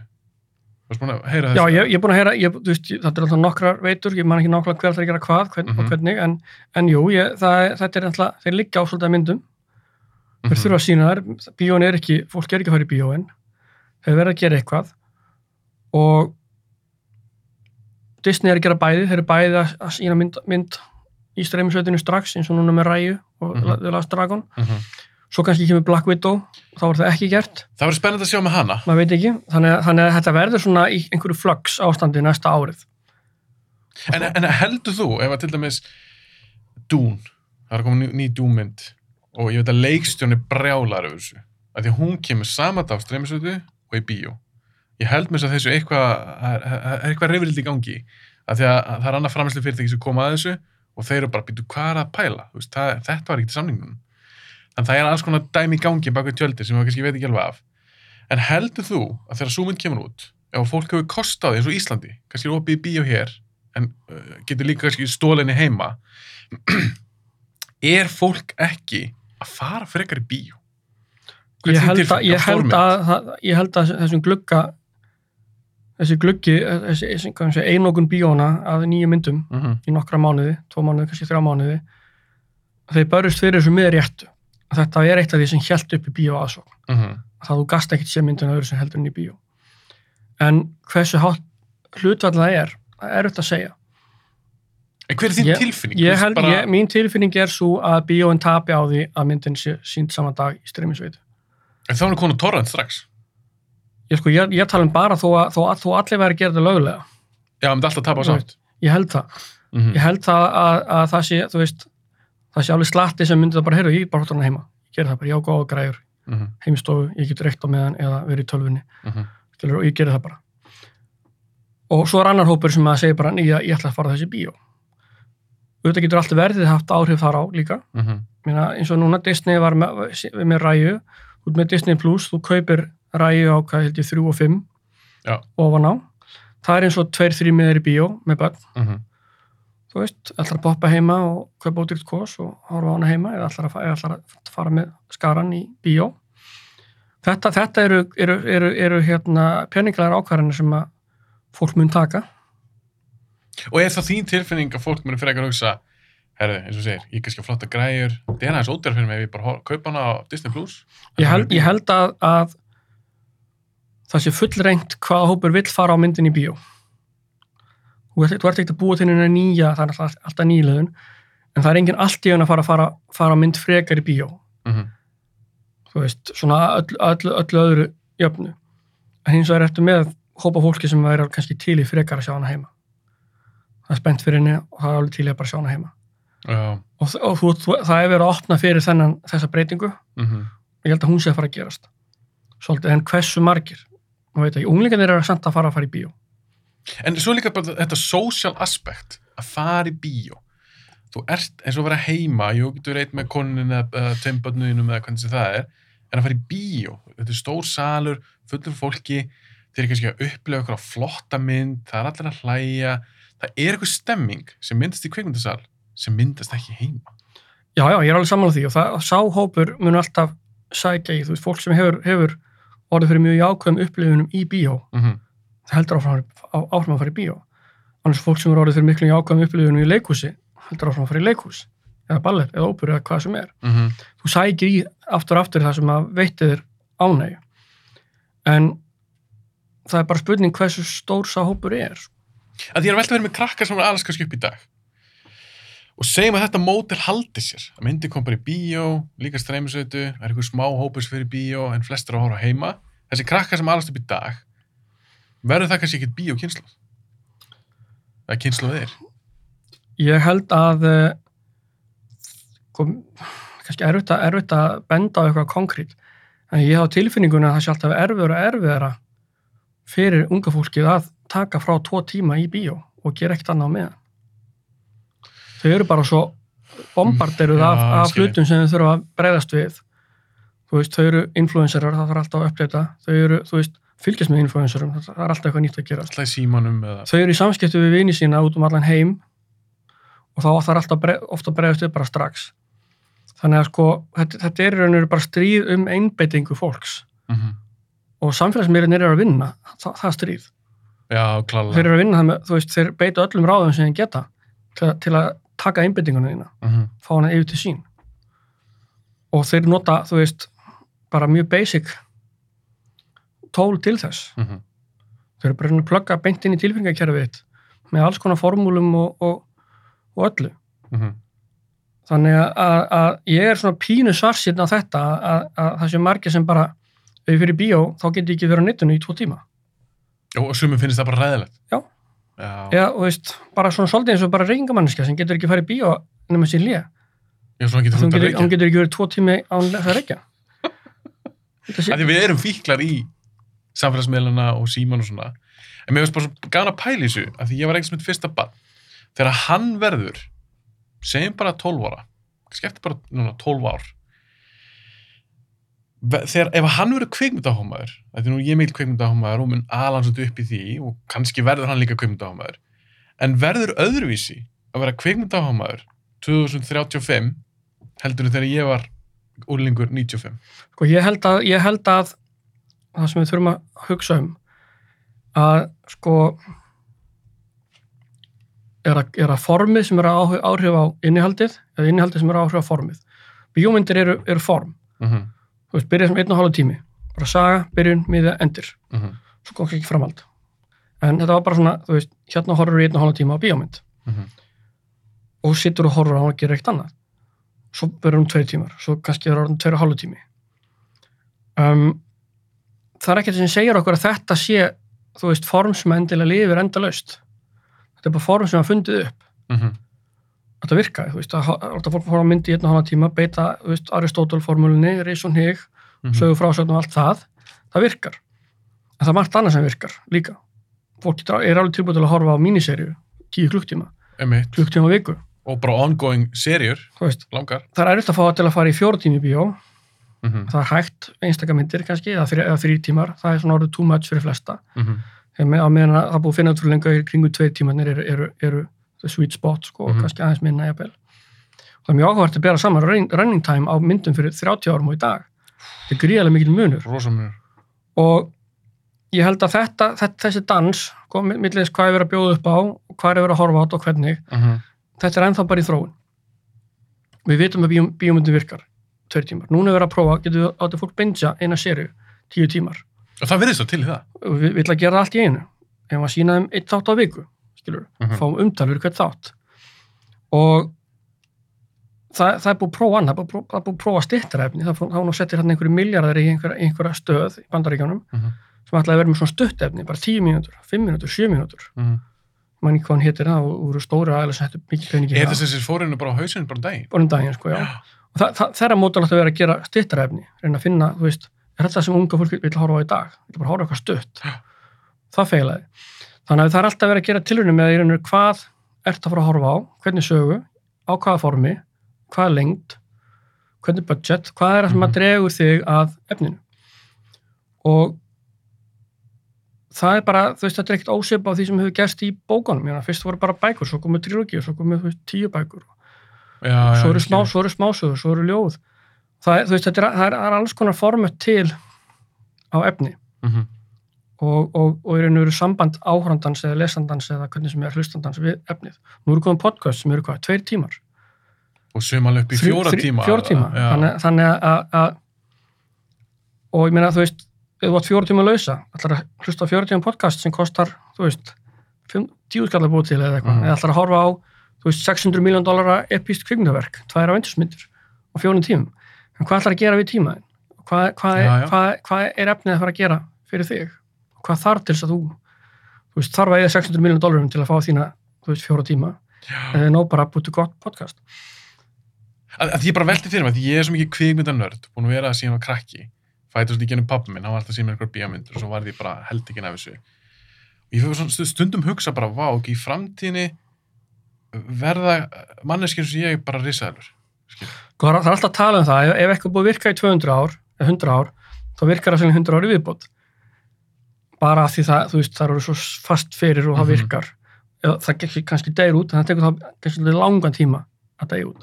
Það var oft búið að tala um að bókin, þú veist, sé að fara að degja út, hún er orðin 400 ára gömul eða 500 ára gömul. -hmm.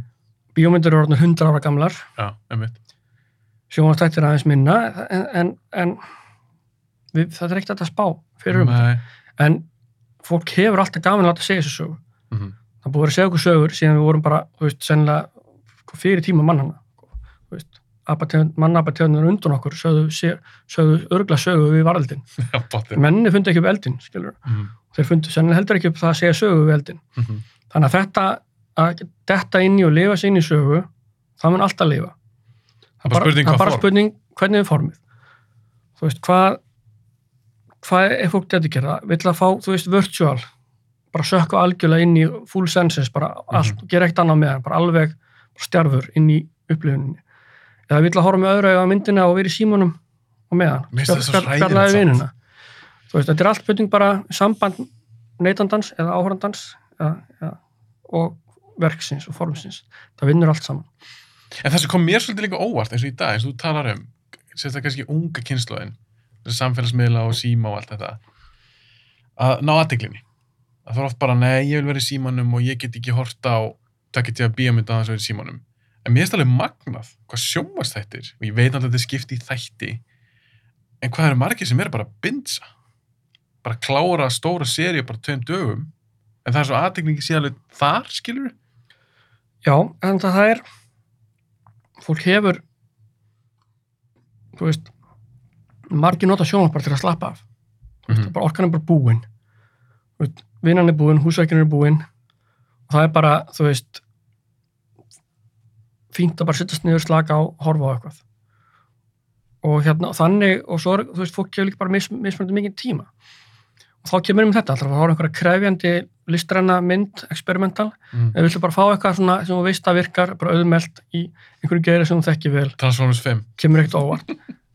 og, og hérna, það er einmitt kom svolítið óvart, að að- að það var alltaf að vera að tala um að bíómyndu væri svo langar og það mætti vera ákveð langar, svo setur fólk og horfir á, þú veist, sex tíma sjónaseri í röð. Það er bara allt annað. Að fara í bíó í þrjá tíma er ekki saman að sitja heima hjá þér í þrjá tíma. Nei, nei, nei, það er eitthvað rétt Þannig að þetta er svona, má ekki gleyma locationinu. Nei, það skiptir alltaf máli og hérna það, það að slappa upp í sofa heima í, horfa í sex tíma er alveg eitthvað sem mann geta alveg gert, fara að klósta á milli og mm eða fara eins í síman það þarf og samt fyrst með öllu og hlusta hvort að börnin séu sofandi og, og hérna allt þetta veist, Mhm. virkar en uh, það sem kannski er gaman að þessu núna er með þessi tókstreita sko á að sína eitt þátt í einu hafa eitthvað svona veist, þannig að fólk tala um hann daginn eftir og býði spenntið til næsta -hmm.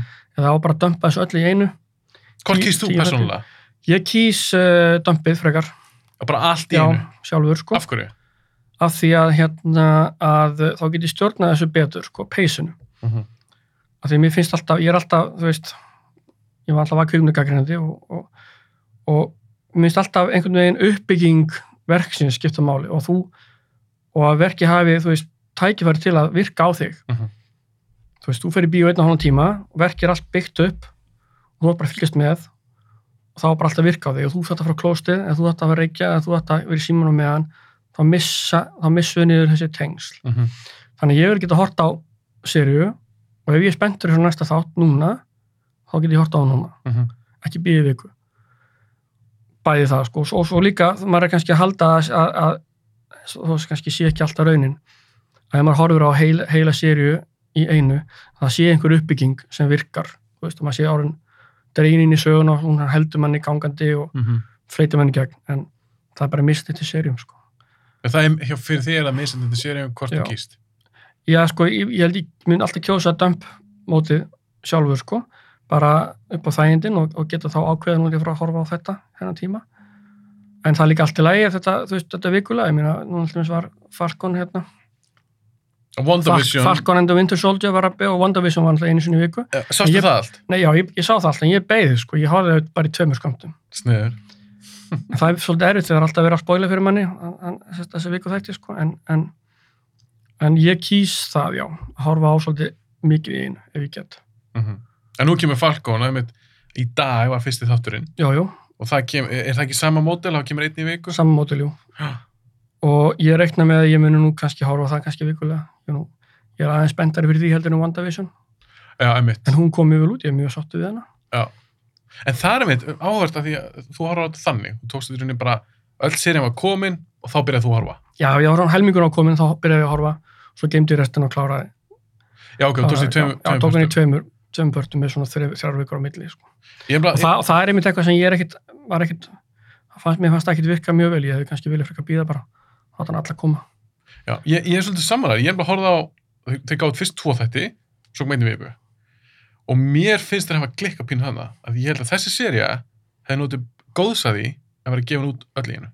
Já, ég held að eins og hún er uppbyggð, þú byrjar svo rólega, þú veist raun ekkit hvað er í gangi og, Mm -hmm. Og þú, þau þau þurfa svolítið að treysta því að þú nennir að, að vera spenntur og sjá bara býða og sjá bara og ég ætla að býða og sjá hvað gerist Já.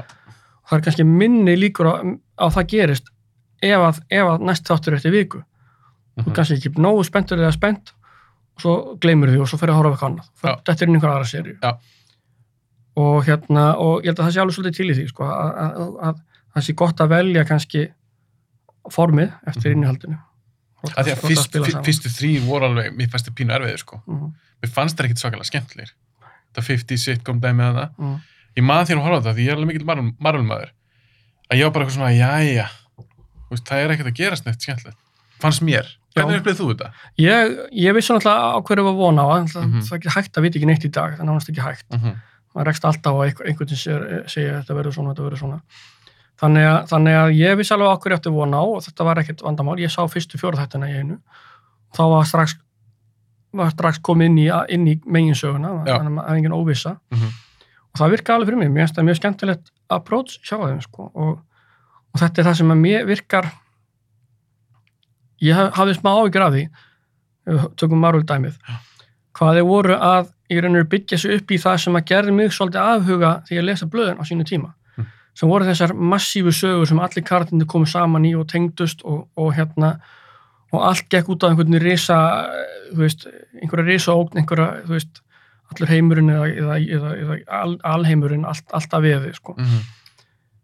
þegar ég var að lesa myndasögur sem mest á unglingsárunum, sko Mar Marvel sögurnar, þá voru yfirleitt bara hitunar að gera eitthvað hver í sínu veist, það var eitthvað rosa vandamáli með hölk í einu blæði, okkur kom ekki Avengers þau voru bara einhvert annar staðar. Ja.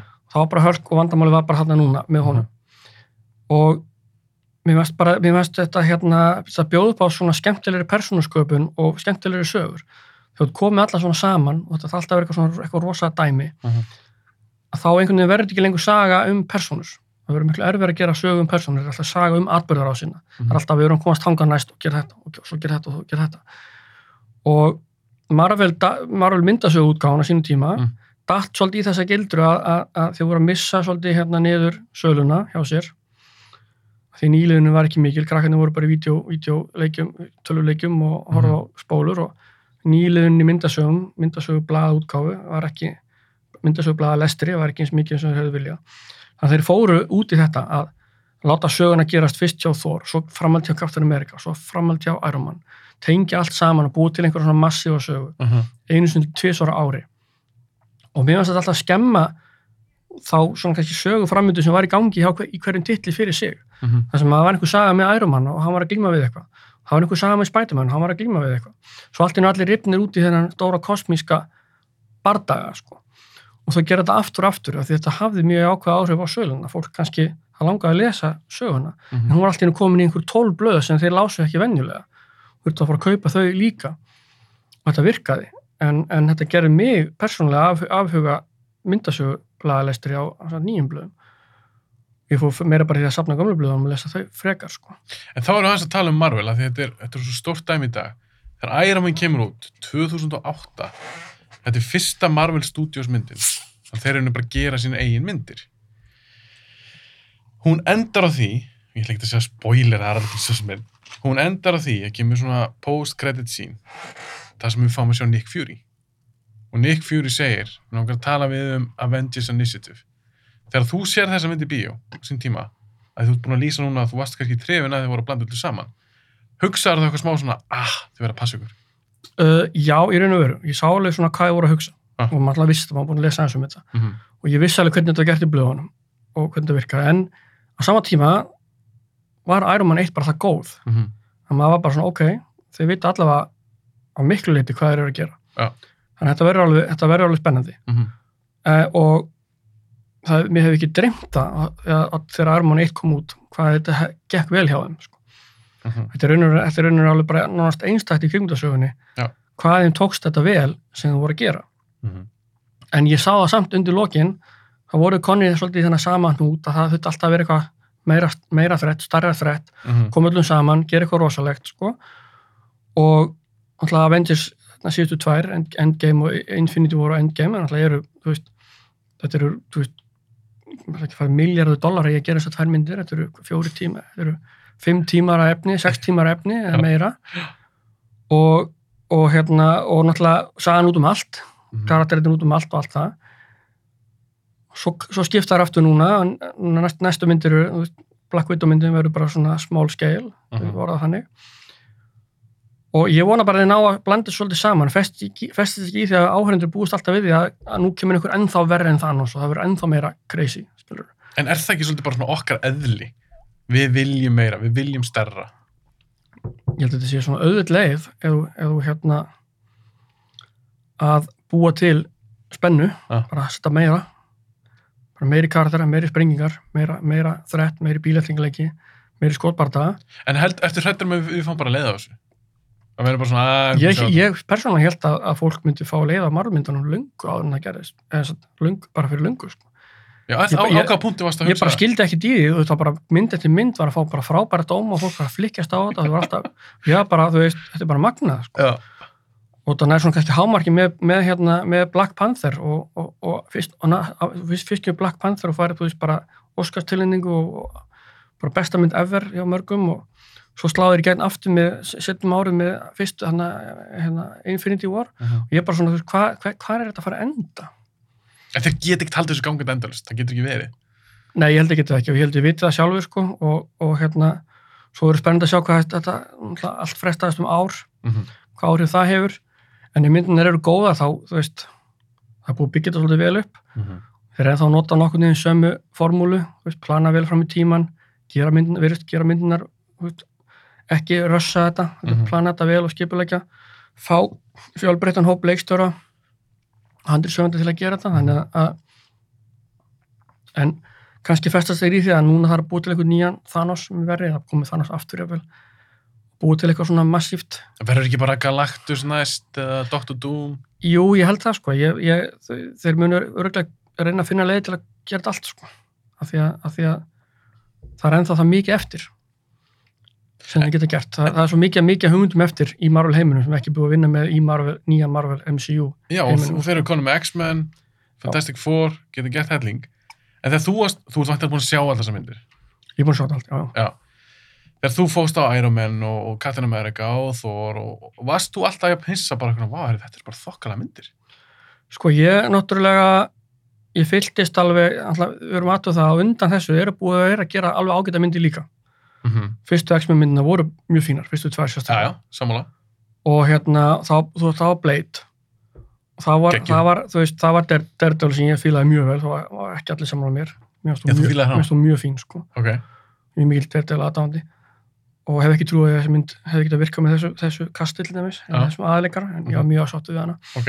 þannig að ég vissi alveg að, að, að Hollywood var, að fara, var búið að fatta að þetta, þetta, það, er, það er hægt að gera góða myndir upp Mhm. úr svona efni við og maður einmitt svona, ég man eftir að, að þegar maður las fyrst um hvað Marvel var að gera þeir voru búin að selja réttinu öllum stóru hittunum sínum sko. frægu hittunum, Spider-Man, X-Men og, Spider-Man. og svo átti bara eitthvað, einhverja karakter eftir sem enginn þekkti, þú veist, Iron Man, Thor, allt þetta eitthvað. það voru ekkert mainstream karakter en ég þekkti það alla sko. Og þá verður svona, já, það var áhugavert að sjá hvernig, hvernig þið gera þetta og fyrst, fyrst ég get ekki haft hérna með en ég held, og það, held kannski áttengin vona hvað það hefði hefnast vel hjá þeim sko, því ég man það Iron Man var hún mjög fín og Downey Jr. náttúrulega bara frábær í henni Mhm. svo strax á þetta henni kemur Incredible Hulk sama árið sem er sem er lítið talað um í dag og hún er ekki eins og á streymisveitunni núna Ég fíla hana. hjá Disney og mér þetta bara eina bestum varulmyndunum Já. svo mynd, Já. svo kemur Thor sem er finnst bara mjög fín mynd líka Mm og mér finnst þetta að slegja mjög fá feilspor og, og mér finnst það sko eftir áhyggja myndir sem ég fannst ekki góðar þegar ég sá það fyrst eins og Iron Man 2 mér finnst það miklu betur í dag eftir bara einhvern veginn maður sér hvað er verið að leggja grunninn að Já, ég skilji, ég skilji. og það er bara að virka, þú veist þetta virkar inn í heldina Mm betur sko ég er ekki búin að horfa Thor 2 aftur ég, ég hef ekki lagt í hana Ég ætla að gefa hann annars sér sem ég varst hún ræðileg. Já, þannig að þessar myndir voru að í gegnum þér. Flestar aðeins. já já, ég var mjög, mjög sattur sko mér finnst mjög gaman að sjá þetta verða svona mainstream þetta er náttúrulega sko, þegar ég er unglingur ég er eini sem ég þekki sem er að lesa, Marvel, sapna, lesa Marvel myndasögur af mínu vinum. Ég vissi að fólk út í bæ, skilur öðrum söfnurum og svona, Já. nokkrum. Og þetta er algjörlega lokuð bók fyrir flesta, þú veist, þegar ég er unglingur veit engin hvern Spiderman er á Íslandi. Hann er ekkert, er frægur sko. Og, og að, sí- að síðan sjá sko að að sé verið að gera myndir eftir öllum sögunum sem ég var að lesa sem unglingur. Mhm. þetta er alveg bara mainstream kvikmyndagerð vinsælustu myndir út um allan heim Já. það er svolítið mind-blowing sko. Það er það. af því að en hérna en Það er ekkert lengur nördalegt að fíla Spider-Man. Skilur Eða Iron Man. nei, þetta er líka bara, þú veist alltaf myndasögur eins og ég var að lesa þetta var alltaf sérstaklega aðgengilegt Mm -hmm. þetta er eins og að fara að byrja, byrja í fjórðu seri á Friends eða eitthvað þetta, alltaf, þetta voru alltaf ongoing seriur og þú þurfti bara að bara stökkva inn og byrja bara einhver staðar og svo bara treysta því að, að, að, að upprunarsagan verður, verður endur sögð, þú færið meiri skýringar þannig heldur þess alltaf gangandi þetta var, þetta var ekkit auðvelt að byrja að lesa myndasögur Þetta var ókveikindi fyrir nýja. Já, mynd, bíómyndina virka betur og frá upphæfi og þau bara við vorum mjög klárir að gera það aðgengilegar Mm -hmm. og náttúrulega Robert Downey Jr. hætti stóra þátt í því að, hvað þetta gekk vel sko. en svo má ekki glemja því að undan þessu var búið að gera ágætismyndir eins og, eins og Avengers myndina, nei hérna X-Men myndina fyrirgeðu Mm og, og fleiri og það var, var, það var komin hefði í gang en Marvel bara tók þetta upp á nýtt level með MCU sko. svo reynir DC náttúrulega að herma, herma eftir Ég ætla að spyrja, hvað, okkur klikkuðu þeir? af því þeir vildu herma eftir Mm. og þeir, þeir, þeir vildu herma eftir átbútinu en þeir voru ekki að herma eftir, eftir fram Nei.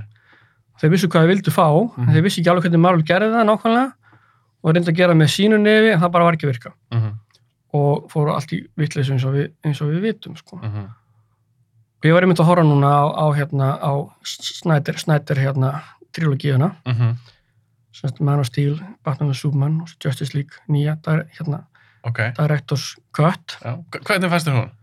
uh, Miða við sérstaklega þá bíó. hún er alltaf miklu betri heldur en, heldur en eh, þessi saman barningur sem var settur í bíó Mm -hmm. á sínum tíma, þessi hérna, Frankenstein útgáfa Hún ræðileg, sko.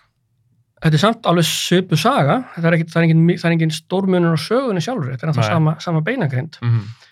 en þetta er bara svona, þú veist, þetta ættir er bara að fara með þetta í kjöfnaskóla og sína bara hérna er eitt gert eftir, bein, eftir beinagrindinni og hérna er annað gert eftir sömu beinagrind þið munin, sko Já. en, eh, en og þetta er náttúrulega orðin sko, fjóra tíma mynd, mynd eða, eða séri eða hvað sem hún kallar þetta Fannst þetta ekki virka frekar svo mínisýri? þetta er ekki mynd, er, ég, ég horfðar allar í raun núna bara síðustu þreim dögum sko. Já. Það er, bara, það er svolítið eins og horfa á míniserju þetta eru, þetta Já. eru tæpi tíu tímar efni. Mm -hmm. og þetta er allt með sama þú veist, þetta tengist, tengist allt saman. Og ég er náttúrulega fyrir mitt leiti, sko, Man of Steel er einn besta óriðmynd sem ég séð, Algjör, algjörlega sko, Ok. búin að horfa hana örgulega svona tíu sinnum. Og hann hérna er að gera þar finnst mér hluti sem að, að, að hann kannski segja að sko, Man of Steel er fyrsta óriðmyndin það sem ég fann sko í raun og veru múrin milli hvað var hægt að gera í kvikmynd Mm. hvað var hægt að gera í myndasögu bara að falla Hvernig það? þessi múr var alltaf budget, budgetið Ja. getur ekki, þú gafst sviðsett hluti í myndasögu bara með teikna og haft kosmískan bardaga og, og gert hvað sem er Já, það kostar ekki mikið. Nei, nei, nei. bíómynd kostaði, þetta gera sviðsmyndir þetta gera brellur og svona mér fannst múrin falla með Man of Steel Man of Steel bara gerði sagan bara fór út um allt og það gerðist bara á skala sem hafa ekki sest áður í óryttumyndum Fannst það var meira enn í Avengers fyrstu, til dæmis? Hún, kemur út, er hún ekki ára undan? miklu meira Já, og þér veru, fannst sko. það? Já, Ok. bara því að sko einhvern veginn bara sögusviði var, var starra og einhvern veginn Fannst þú hann meira svona episk? já, já, það? já, ég fíla ágætlega Avengers en mér finnst svona Avengers hérna svolítið líða fyrir það að, að þetta var jú þurft að koma öllum saman og það, það, mm. Mm, skil þurft að hafa sögun og svona þurft að hafa einhvern bad guy, eitthvað þrett Eins og talaður um mér finnst allt einhvern veginn miklu organískara í, í Man of Steel Mm -hmm. og þar að ekki er, er að vinna náttúrulega með Superman sem kræst fíguruna, Mhm. sem Guð sem er, all- hefur alltaf verið þú veist, partur af hans hans uh, karakter í raun og veru, að vera þessi svona þú veist, guðlega vera á jörðinni Mhm. Já. og þetta var svona fyrsta hérna, fyrsta Superman myndin sem er og veru fór að taka svolítið fyrir sko, Mm -hmm. og vinna svolítið með það og, og hérna fannst hún alveg gríðarlega vel hefnuð síðan taka þessu sömu hugmynd fara með henni inn í Batman vs. Superman en þar finnst mér eins og þeir hafi svona verið tilneti til að koma Batmani inn í söguna sko Vil, Vildið þú ekki freka bara menn á stíl 2? ég er náttúrulega vil bara góðar myndir Mm -hmm. ég, þú, þú, þú, mér er alveg sama hva, hvað er í myndinni ef hún er góð Já. Og myndi það bara samfæra mig. Og hún fær alveg frið til þess. Ég get alveg fara á mynd með enga væntingar en svo er hún bara frábær. Mm -hmm. af því hún bara virkar. Og hérna og, en ef hún gerir ekki þá kannski þá bara, veist, þá bara virkar það náma maður finnur fyrir því. Og ég fann alltaf mikið fyrir það að vera svona að vera að tróða Batman inn í Batman við Superman. Mhm. en það virkar samt að því það tengdist vel Superman hugmyndunum sem var búið að leggja grunninn að Mm -hmm. fannst mér.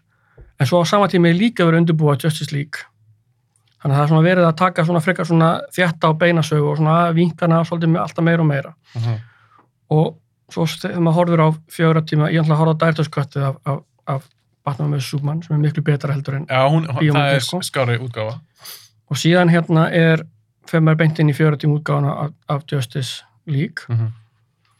og þetta heldur alveg áfram nema, nema það að þetta dettur inn niður Superman-sagan aðal uppbyggingin í fyrst tvö myndunum dettur bara út. Og hérna og, og í rauninu það er bara kom, sagan er bara komin í allt aðra átt hún er komin út í það að búa til Justice League Mhm. komið með þrjá stóra nýja karakterinn sem það er alla, alla að kynna og hann fyrir hellingur tíma í þetta er rosalega tími. og, og þessi fjóru tímar eru, er, eru þú veist, þau voru ekkert lengi að líða sjálfur sér en, en þú náttúrulega, þú, það er þetta er bara eins og horfa á eitthvað sem er bara mjög grípandi og svo byrjar þetta svona aðeins að aðeins að losna Mhm. allt saman og vera lausara í lausara í reipunum, bara því það eru þú veist, það margir karakter, það þarf að kynna það, það þarf að vera einhver, einhver, saga, það þarf að hafa eitthvað aksjónum á milli svo að fólk degi ekki úr leiðindum Mhm. og náttúrulega það sem hann er að gera þarna með, með henni, það virkar alveg þú veist, hann heldur alveg söguna áfram og hún virkar Mhm. en hún, þetta er bara orðið of mikið það verður að reyna að gera of mikið í einu Það er rosa mikið í, þetta er rosa mikil mynd. En, en, en hérna, þú varstu búin að líka nýju, já en, en ég er samt sko í, það, það, það, það verður allir sátti við að, að þessi útgáfa verið endanlega útgáfan miklu frekar en bíómynda útgáfan En þeir eru vist búin að segja Bros. að þetta er ekki er svo þeir, þeir ætla bara að vera með svo margar heim, marga heima gangi, ég held að þeir veit ekki hvað er að spáði núna. Þeir ætla bara að vera með veist, þessuna þrjár Batman sögur í gangi. og- já. Og ég held að það sé allt í lagi. Já, já. Ef myndin eru góðar, þá gefum fólk í bíó. En mér langar svolítið að spyrja, því mér finnst áherslu nefndi Man of Steel. Ég hef ekki mikið talað um hann í þessu podcasti, af því finnst það mjög áhugaður mynd. Það er ekki fullkominn. En ég er mikill súpmanatandi.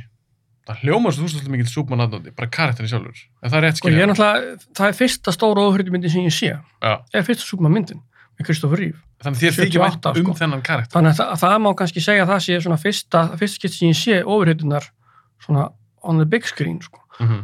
Og hann náttúrulega er alveg arkitýpa í þeirri mynd Mhm. og, og heldur sér algjörlega við klassiska Superman hugmyndina. Mm -hmm. Man á stíl gera það rauninu líka. Hún, hún svona skipar það að vera að endur segja origin söguna, bara til að hafa meiri tíma í annað, Og líka allir svona, en svona dettur inn í hana. En vinnur samt með þetta svona, hvernig ætlar heimurinn að breyðast við Superman svona í raun og veru. Hvað, mynd- hvað myndir raun og veru gerast ef það væri svona karakter Mhm. á jörðinni. Og það er það er, það er efni í sko trilogíu út af fyrir sig. Ég hef Og að það, það. það, er, það er held ég það sem að Snæder hafði í huga sko.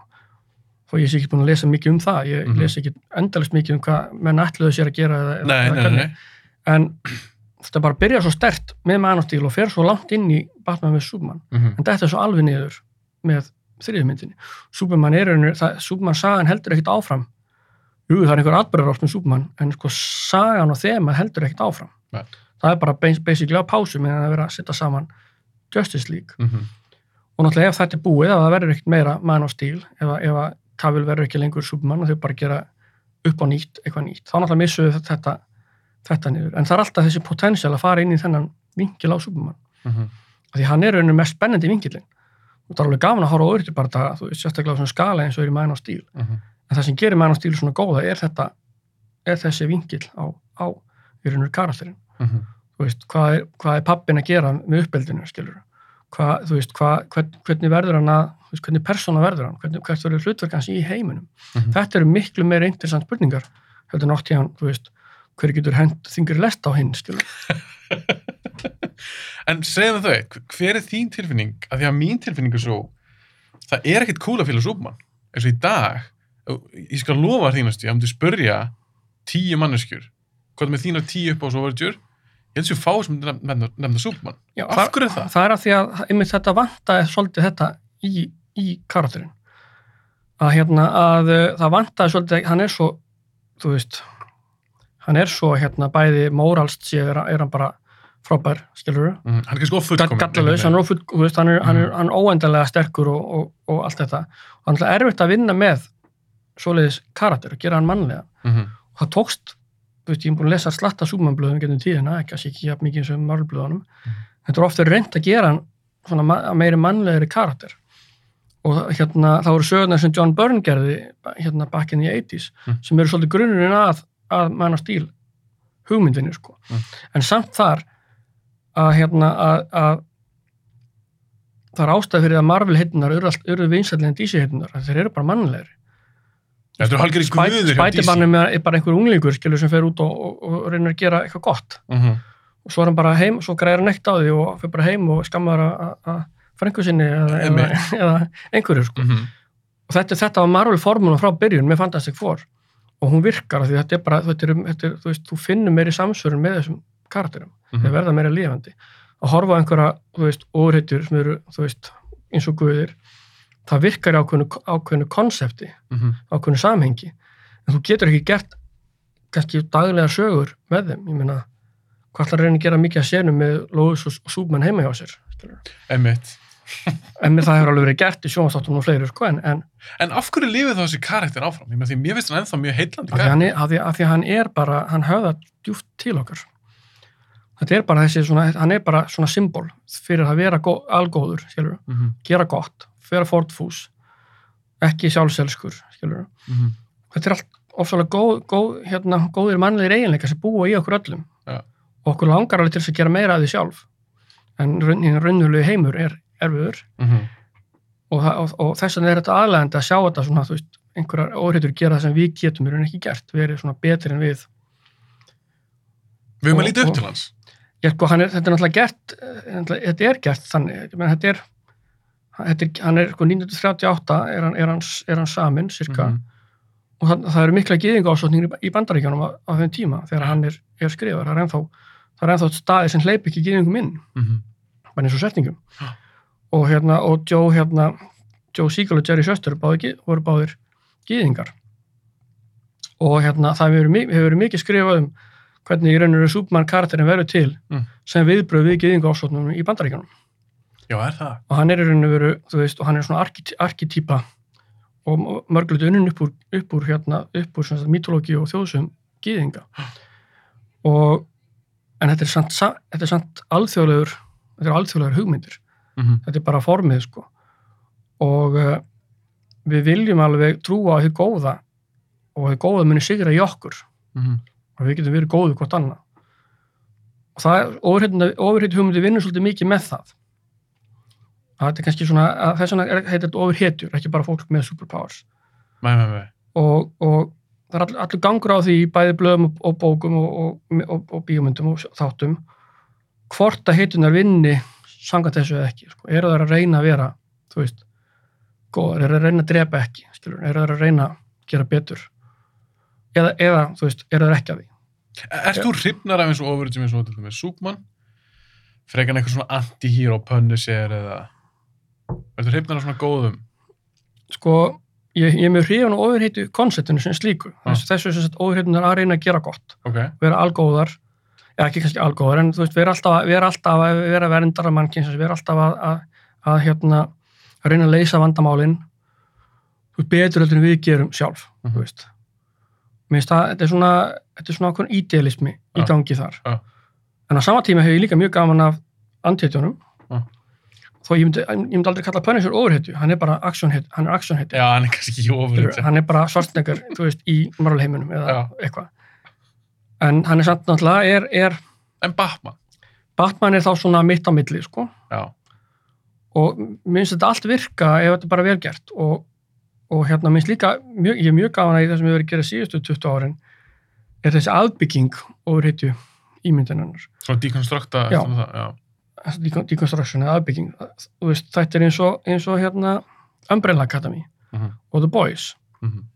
þetta er allt búið að vera í myndasögum í 20 ára eða meira Einmitt. eina fyrstu sögunum sem gerði þetta var, var hérna Alan Moore með Miracle Man Mhm. og svo kom, hérna, og kom Pat Mills með, hérna, með uh, Martial Law En eins og Watchmen, hvað myndir er það líka hún er, svona? einmitt, hún er svona aðbyggingar saga, Já. sko, hún er hérna, Watchmen er á eftir hérna, er á eftir uh, Miracle Man Mhm. og maður sé það bara þemun sem Moore er að vinna með Miracle Man halda áfram í, í, í Watchmen Mhm. og þetta virkar líka því, einmitt af því að veist, þessi ídælismi er svo óraunverulegur Já. það er miklu raunverulegur að gera mannlegar, þú veist, beiskar og, og hættulegar óreitur og það, þannig að ég, þetta virkar allt saman fyrir mér og, en ég vil ekki missa sko, ég vil ekki missa ofur hetjuna Nei, ég skilji. ég vil ekki missa þetta, þetta element út Mhm. sko. ég, vil ekki, ég vil ekki miss, ég vil ekki að Spiderman verði bara einhver gaur sem er að reyna að græða peninga að vera Spiderman einmitt, eða bara farin að drepa fullt af einhverjum vonduköllum og, já, eða skil þig. Batman, að Batman að drepa eða eitthvað svona, þú veist, ég vil ég vil ekki missa þetta, ég vil að sé einhvers af, af höfundar og framleidendur sé svolítið meðvitaður um þessi skil að, Mhm. að halda í þú veist, ofurhittuna Göfugu, svona, já, og svo, en líka má gera allir hinna sögurnar, það er ekkert að því.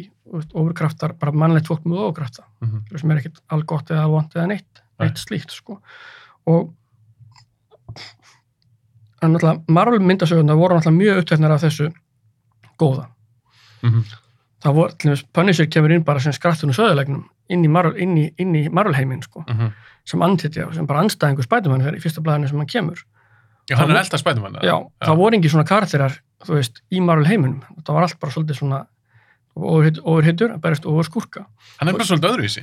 hann er, bara, hann, er, hann er öðruvísi, hann er bara vigilante Já, og byrjar náttúrulega bara sem vilan en hann er bara þótt eitthvað góður og hann höfða til ákveðin hóps fólks það, þú veist, og, og hann er ekki ástöðlega sem Punisher er, þú veist, Punisher merkið er á lauruglumönum og hermunum um allan heim Emmitt, að þau fá annað út úr í heldur en að karakterin hefur eitthvað góður Mhm, skilurðu.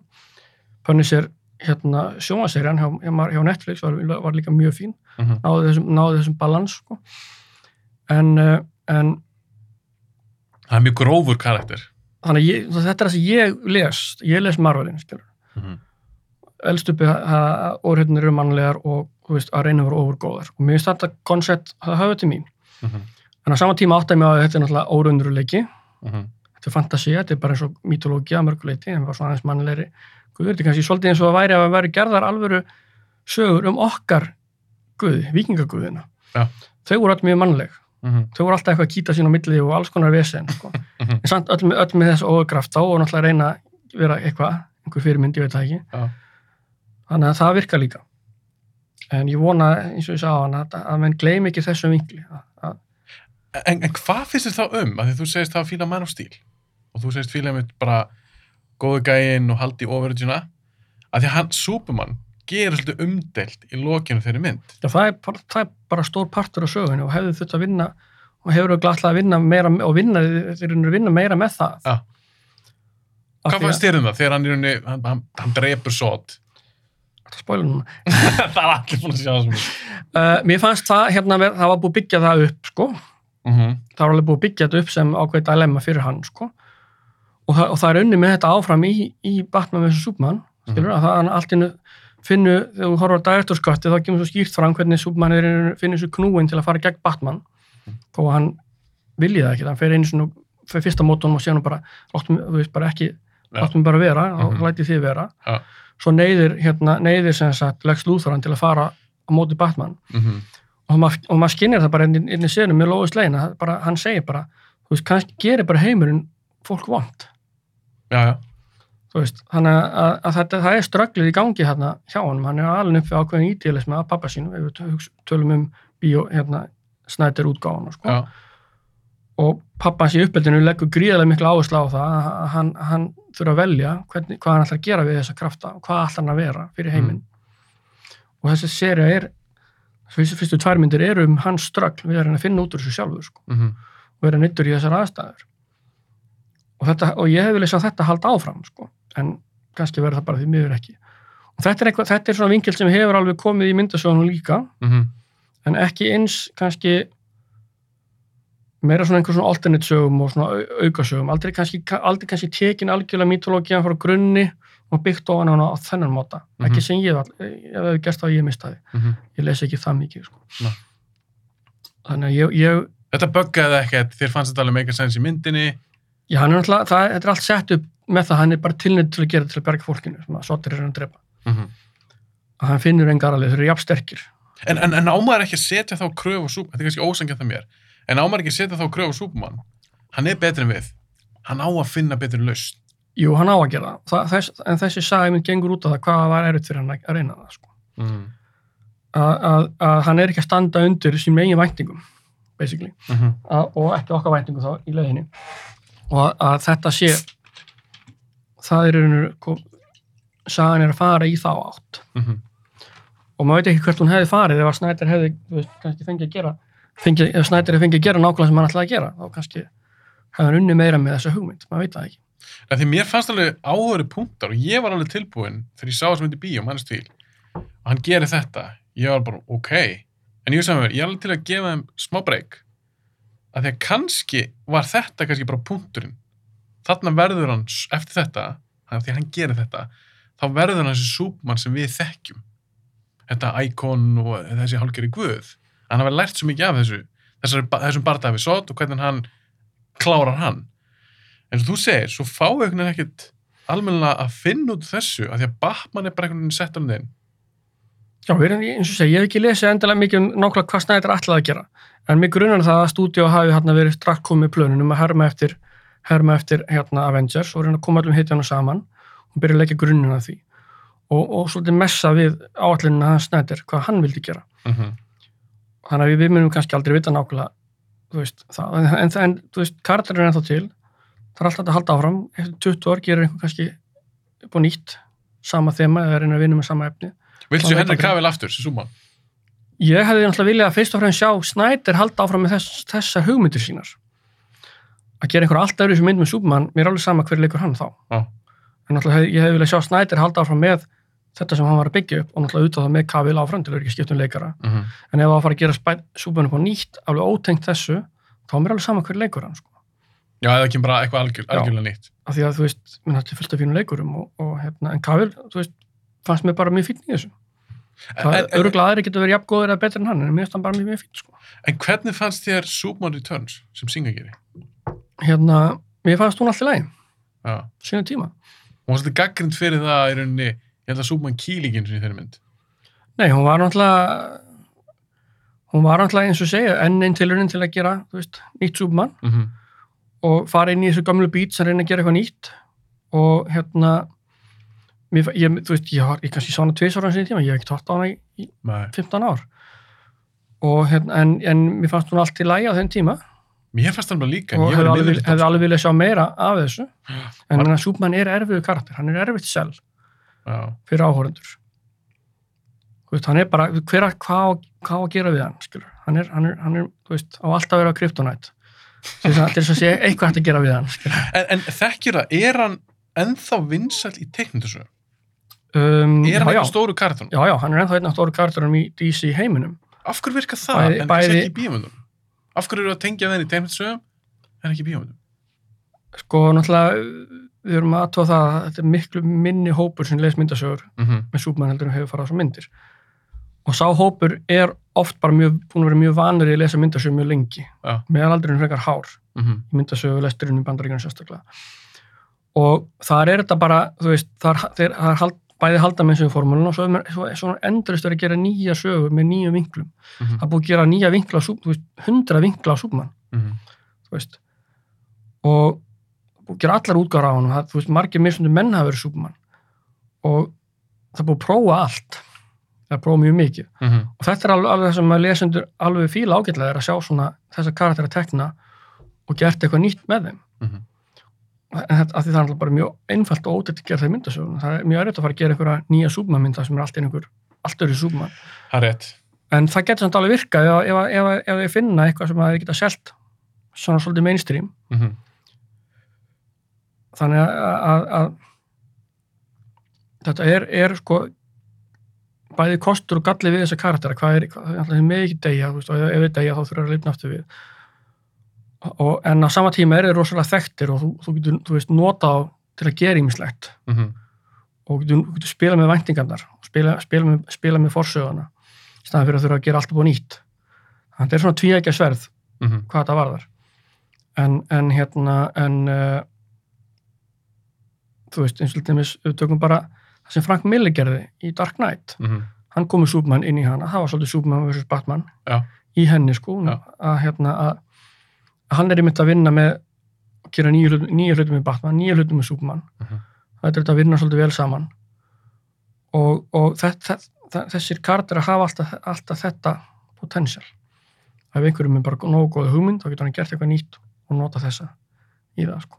En ef það kemur eitthvað til þín í dag sem bara eitthvað tíu ára krakki búin að sjá Superman, elskar þetta búin að sjá myndar, en hefur ekki lesið sögurnar þessi krakki vil fara að byrja að lesa tegndsögur þá, þá nægi í, í deildastjóra myndasjóðdeildarinnar og læta hann sjá um það en, en þú veist, af því að ég er ekki, ég er ekki fær í þetta lengur Nei, þú kannski ekki inn í þessu lengur. Nei. Ég fór bara að get- fyrir mér, myndur að því þú þekkir kannski betur gömlu sögurnar. ég er, ég er, þú veist, í gömlu sögunum.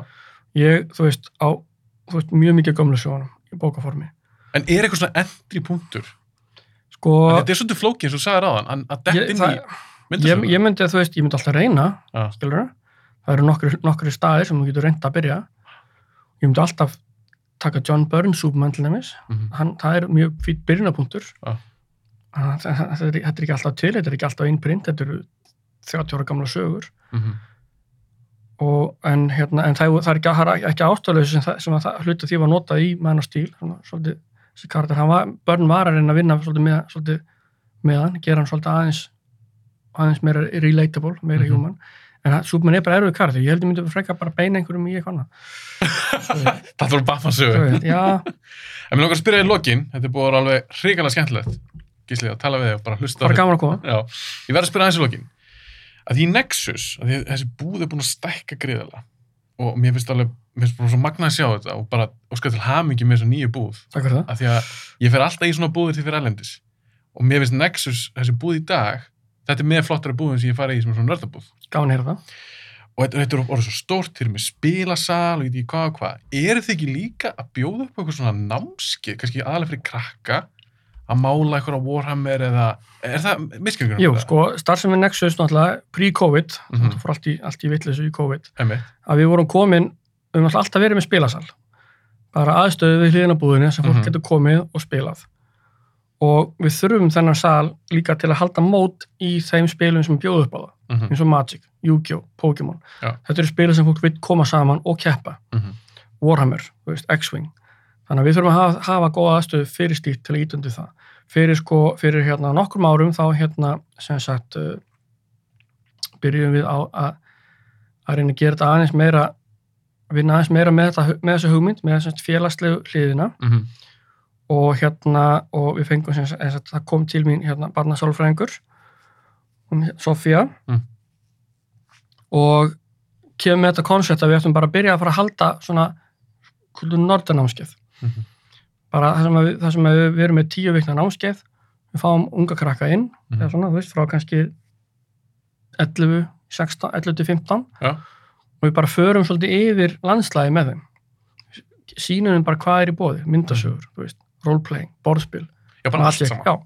og þannig byggum við til mjög vinsar námskeið Mm. sem, sem eru, eru bæði svona, þú veist, af því enn þann dag í dag geta þeir sem hafa áhuga því sem við, við erum að bjóða upp á verið pínu einangruð út í hotni Algjörlega. þú veist, þau, þau geta ennþá verið eini í bekknum Mhm. í þessu, þú veist, þetta er ekki það þetta er ekki árið það, ert hardcore aðdáðandi, þetta er ekki árið það mainstream Nei. þannig að við vorum að reyna að koma þessu hugmyndum að reyna að koma svolítið saman þannig að þeir eru bæði svona svolítið námskeið í félagsverðni Mhm, og bara kynna, opna svolítið fyrir þeim þennan heim og auka líkunar að þau finni eitthvað sem smelt passar við þau.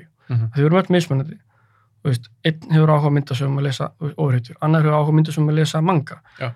einhver hefur áhuga að spila hardcore borðspil mhm. og þú veist aldrei hvar, hvað fólk fara áhuga á þar og þetta er ekki þetta að setja alla í allt en ef þú bara gefur fólki þessa breytt þá held ég að þú auki líkunar að þau finni eitthvað sem smelt passar Mhm. og getur orðið þeirra áhugamáli skemmtum við samskipt við annað fólk með sama áhugamál og verið svona ákveð getur orðið eitthvað passion í lífinu þó að það sé ekki bara einhvern x tíma. Já, svo verið eitthvað annað við. Emi, og mér finnst þetta allt vera mjög dýrmætt sko, og mér finnst mjög gaman að reyna að koma þessu á, á, á framfæri. Og það, þess vegna erum við með þessi, þessi, þessi hérna, Nexus Noobs námskeiðin sem Sofía eins og við skafum aðstöðuna og, og, og fólk til aðstöða með því.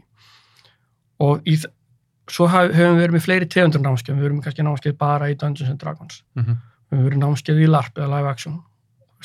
Fengið þá LARP sérfrænga til að koma að það og við vorum ennþá að prófa alla, við vorum ennþá að prófa, að fulla að prófa alla vinkla í þessu mhm. þegar náttúrulega allt fyrir í vaskin hérna Í fyrra, sko. Já, já. en við erum búin að opna sælinn aftur en við erum ekki veist, við erum ekki með neða starfs, við erum ekki að draga mikið fólk inn við erum bara að gefa þeim aftur svæði til að halda mótin. Mhm, svo það detti ekki niður því, því að það er fólk sem vil halda áfram að samna spilum og, og keppa með því. Emi, og það má ekki missa það á lengi niður. Svo sjáum við til bara þegar allt byrjar að slakna hvort við byrjum ekki aftur á. E- Ertu með eitthvað svona stór plön, bara ef við okkur það þegar COVID er búið? Ertu með eitthvað svona stóplun? Ég er alltaf með stórplun, en ég segi ekki öllum frá því. Það er lindamál í dag. Því að, þú veist, þá fyrir fólk bara að spyrja mann hvernig þetta var að gerast næst. En ef ég myndi kannski grilla smá, sérðu fyrir kannski Vinsarasta spurningin í dag er kem- hvenær kemur til Akureyrar, sko. Já, ok. Það er vinsæls- ok, þá- vinsæls Já, ég verð að spyrja í lokin og ekki að upp, um. Þá verð ég að spyrja hans samt það að þið lengi vel vo, varstu bara með eina búð. Já, Svo opnaru í kringlunni svona minna útibú. Það eru bara þessar tvær búðir. já. Var það alveg meðvitu ákvörðum bara svona ég ætla ekki að stækka mikið með mig, ég ætla ekki að vera með búð Akureyri og Selfossi og Uh, því maður sé marga pizzastæði, Sko, það er eitt stað og svo miljón staðir. sko, ég vil náttúrulega að sem flestir komist í búð. Ég er, ég er ekki verslanir. Já. Ég, bú, ég vann í verslunum áðurinn fór að rekka minn eigin. Ég er búðar, þú veist, fan. Mhm, Því að fara í búðina, sjá allt dótið, þú veist, skoða, taka þetta og svona handfjalla, mhm. rölda um, fá verið í friði í klukkutíma, skoða. Sammála. Eða fara að tala við fólki sem er afgreða og, og þú veist, skiptast á upplýsingum. Nördast með- Nördast. Mhm. Ég hlusta á þau, nördast bara sjálf að sína á milli með, með, með því að hafa smá breyk. Já, já. Þetta, þetta, er, þetta er svo stemning sem ég vil búa til og ég er alveg til í að gera það á fleiri en einu stað. Mhm. En þetta er Ísland og þetta er erfitt, er og það er, það er öll þróun í, í smásölu geirunum er okkur í óhag. Já, það er svona netið og... Já, það er, það er voða lítið sem er að vinna með okkur í, í tíðarandanum við samfélaginu í dag Mhm. í þessum reksturi sko. og svo aft, eins og ég segi það, þú veist, ég sé marga, ég er búin að vera í business núna í 30 ár, ég sé marga flaska á því að opna of marga staði Einmitt. og hérna, og þetta er, þetta er svona alltaf þessi ákveðin tókstreita Mhm.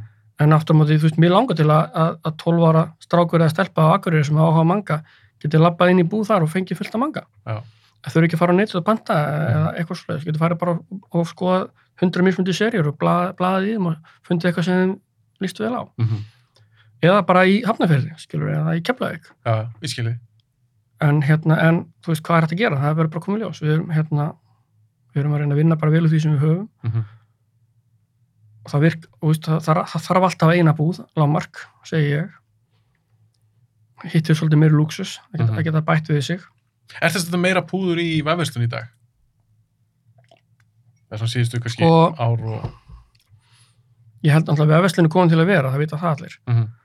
og, uh, og uh, náttúrulega fyrir einhvern veginn á eilstöðum skilur sem hefur enga svona búð þá er náttúrulega frábært að geta farið á vefin og verið komið með eitthvað í tvo daga með, Einmitt. postin, með postinum Mhm. Og þetta er bara eins og, eins og ég tala um þú veist, þegar ég var unglingur skilur það, veist, það, það, það var ekki til þú veist, það var gaman að geta eh, tekið þátt í að auka aðgengi fólks að þessum, að þessum hlutum Mhm. en, en hérna en uh, kostar alltaf mikla peninga að vera Það einhver nýja verslun og... það kostar mikið sko, og, og uh, en þannig að maður þarf alltaf að skoða það Mhm. maður þarf að, maður þarf að eiga pening til að brenna Er þrýstingur svona, kannski ekki þrýstingur, en eins og þú segir, vinslasta spurningin er hvenær komið til Akureyra? Þú veist, Ert að fá oft þessa fyrirspurn? já, fá mikið þessa fyrirspurning Er það það frá bara, Væntanlega, já. Við spyrjum ekki. Það er enginn í Reykjavík ekki, að spyrja. skilur, En, en, en já, það er hérna, það er handla mjög algengt að stóra búðir, já, okkar starf, séu með út að búa aðgriðri. já, einmitt. Og ég náttúrulega veit, þú veist, maður veit ekkit fyrirfram hvað aðgriðri getur gefið af sér. Nei. Þetta er allt svo svolítið renna blint í sjóin, sko. Það er alltaf séns. En, en, en ég segi alltaf fólki að þetta, að þetta er alltaf mjög ofalega á planinu. og þetta er eina sem ég segi frá. Já, þetta get- þetta getur eftir tíu ár, getur eftir fimm, fimm Þannig að- við sjáum bara til hvað, hvað gerist með það. En það er þannig ekki svona þörf hjá þér, eitthvað persónuleg þörf að vera með tíu búðir. Þetta snýst ekkit um mig, sko. Ekki, Nei. viðskiptöðin. Það snýst um viðskiptöfunin, alltaf. Er hans þarfir og hans væntingar og hans langanir sem eru nummer 1, 2 og 3. En er það ekki þetta attitút ég ég er einhver staðar í sæti 37, skilur Ok, hvað ég, og hvað ég persónulega vil. Já. Þannig á það að vera. en það er ekki öllum sem er með rekst. Ég þekki ekki alla. Nei, mér finnst það svo flott að ég hugsaði oft með mér. En þegar ég er farið í Nexus, bara öll þessi ár, mér finnst það bara að vera að aukast, það er þannig mín upplöfun, mér finnst alltaf einhver verið að inni og það virðist ganga vel. Þannig ég hugsaði mér, ok, þeir eru ekki farin að fara, gíslar ekki farin í það að vera með fjóra búðir, fimm búðir. Og ég hugsaði mér, vá, það eru bara svo miklu sniður að einbytt sem fyrir aðeins sem hann er með. Í stæðan fyrir að vera, vera með þessar, þessar keðjur. Ég sko, þú veist, alltaf, ef þú hugsa bara út frá þörfu viðskiptavinnina, ef Mhm. mm viðskiptavinnin þurfa búð og geta haldið henni uppi, þá er gott að gera búð. Mhm. Þú Veist, það, það er bara þannig. Og hérna að ef að búðin eru uppfylla, ef að búða dæmis myndi uppfylla þarfir akureyringa Mhm. og virkar, þá er það bara mjög gott dæmi. Og það, ekki, það, það getur ekki aldrei skemmt, þú veist, búð sem uppfyllir þarfir viðskiptavinnina Mhm. á einhverjum lokalstað, hún er aldrei að fara að skemma fyrir neinu öðru. Nei, það, er, það er alltaf góður, það er alltaf jákvætt jú, það er kannski aðeins dýrar að reka en heldur einhverja aðra búða sem er miklu meira fólki Mhm. en ef þetta virkar, þá virkar þetta og það stendur á fellinu með viðskiptavinum og hvað þau þurfa, Mhm. hvað þau vilja og hvað þau eru mörgir en veru en, en hérna en þetta er ekki eitthvað svona, þú veist þessi formúla versus þessi formúla þetta er, þetta er ekki svo einfalt sko. Mhm. þetta, er, þetta, er, þetta er og það er ástæðan fyrir þetta er erfitt af því að þú getur aldrei vita nákvæmlega hvað fólk vil Mhm.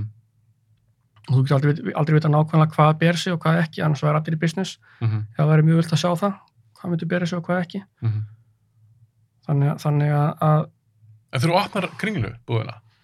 sko kringlubúðin er fyrst og fremst sett upp sem auglýsing fyrir já. já. Ég hún er, hún er aðalega bara tilraun og hefur alveg frá upphæði verið tilraun til að koma sem sagt konceptinu og vörunum Mhm.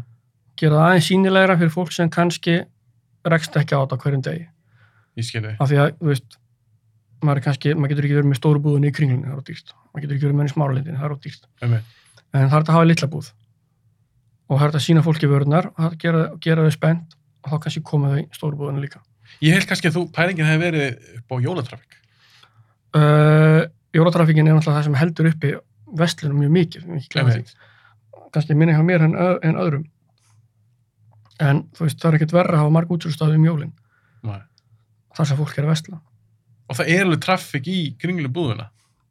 það er sko náttúrulega kringlur eig, eigundur högg að sækja í dag Já, bara vestlunum miðstöður yfir höfu. yfir höfuð, þetta Mhm. er bara á öllum vesturlöndum þetta er bara sama dæmið að hérna að þar neti virðist að fara illa með það konsept en þær er að berjast á móti, þær eru að endur skilgræna sig. Mhm.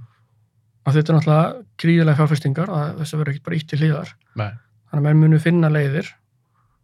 Og það verður bara svona að vera svolítið með í því að sjá, sjá hvað, það, hvað það gerist sko. en, en það er ekki spurning um að, um að, að hérna, það er mikil áskorun að reka vestlunum í dag bara eins og allar, eins og allar venjulega vestlanir Já, já. Vestlunum er búin að taka svo mikið, mikið Já. skamt af þeim eða, eða sko, það, er, er, biti. erfitt að segja nákvæmlega hvað gerir hvað Mhm. en við vitum það að, að sko fatabúðir voru með gríðilega álætningu hérna áður fyrr Mhm. og hérna og mikið af svona fake útsölum sem búið að lækka eitthvað og svona Mhm. og ég held að fólk hafi soldið sko ég held að, að vestlanir sem hafa stunda þetta og fara að ganga út á útsölur og ganga út á einhverja svona viðburði hafi soldið brent þú veist, jarðveginn sko Já, já, já. Mhm. og, og hérna og meðan int- internetdílirinn bara segir bara hérna er bara lágverð þú veist, eða eitthvað svo leiðis Fólk leitar meir í það kannski. þú vilt ég meina þú, þú vilt að fólk lappa inn til þín og það sé ákveði gegnsæ í gangi, Mhm. þú veist, þetta er bara varan hún bara kostar þetta það er ekki til kýmisk útgáfa ódýrari hún er bara svona Mhm. og þú fer á netið, þú skoðar, já, þetta er svona þú veist, ég sé, alveg ég sé hvernig landslæðið er Mhm. og þannig myndar ákveðið svona tröstsamband við viðskiptavinnuna Mhm.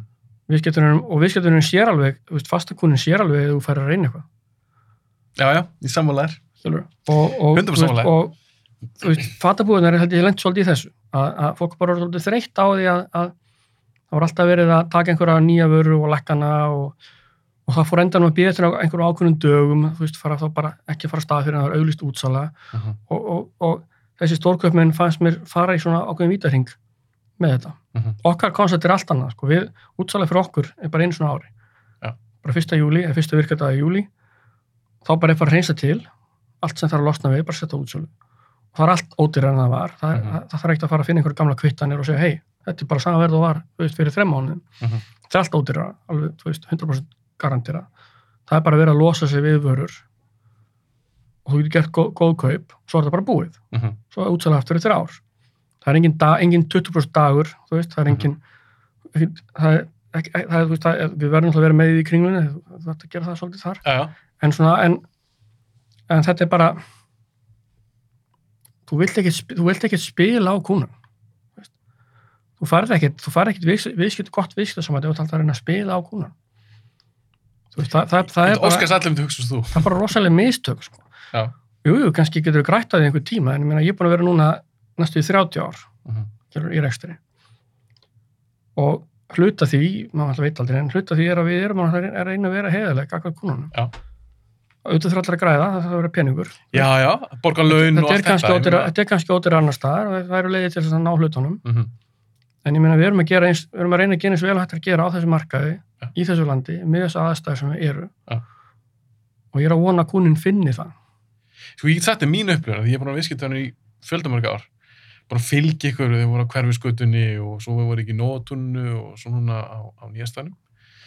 Uh, mín upplifun har alltaf mjög jákvæð. Og ég, er búin að segja þessu podcast að Nexus upp á spúðu mín. Ég held að það er algjört nörd. En það er ekki bara því, það er líka bara góð þjónustöðna og ég get svo svara, mér finnst eins og fyrir eitthvað árið síðan, þá fjall eitthvað gengið og eitthvað og mig minnir, þú getur kannski leiðið mig, að þið hafa mér þess að koma til móts þá við og þá lækkuðu á móti. Það var eitthvað svona í gangi. Sko, þetta er alltaf, þetta er í viðskiptum í smásölu, þetta er allt- alltaf ákveðin dans. Íslenska gengið er hræðilegt Uh -huh. og flúttur er mikið, það er enda búið að freka stabilt núna síðustu árin, sko, en það var, það flúttur er miklu meira hérna áður. Uh -huh. Og meðan það voru ekki netvæslanir þá kannski var það ekkit issue, sko, menn getur Mhm. kannski notfært sér það að allt í einu var krónan miklu sterkari Já. og þú kannski fengi meira fyrir hann en þú vest, vestlæri, en þú kannski lekkar ekkit vörun á móti því það, það þurfti ekki, það var engin nei. En svo þegar neti kemur, þá náttúrulega er öll verðin á netinu háð genginu. Uh -huh. Þannig að allar vestlanir sem að, þú veist, vilja, vilja keppa við netið og útöndum, þurfum náttúrulega passa það að þau sé alltaf að hanga í genginu Uh -huh. eins og hægt er. En svo náttúrulega, sko, ef það kom ykkur áföll, og við tökum bara hrunið hérna 2008-2009, Uh -huh. það er íslen, íslenska krónan allt í henni missir helming uh, verðgildis og allt verður tvöfalt dýrara í innköpum í krónum. Uh -huh.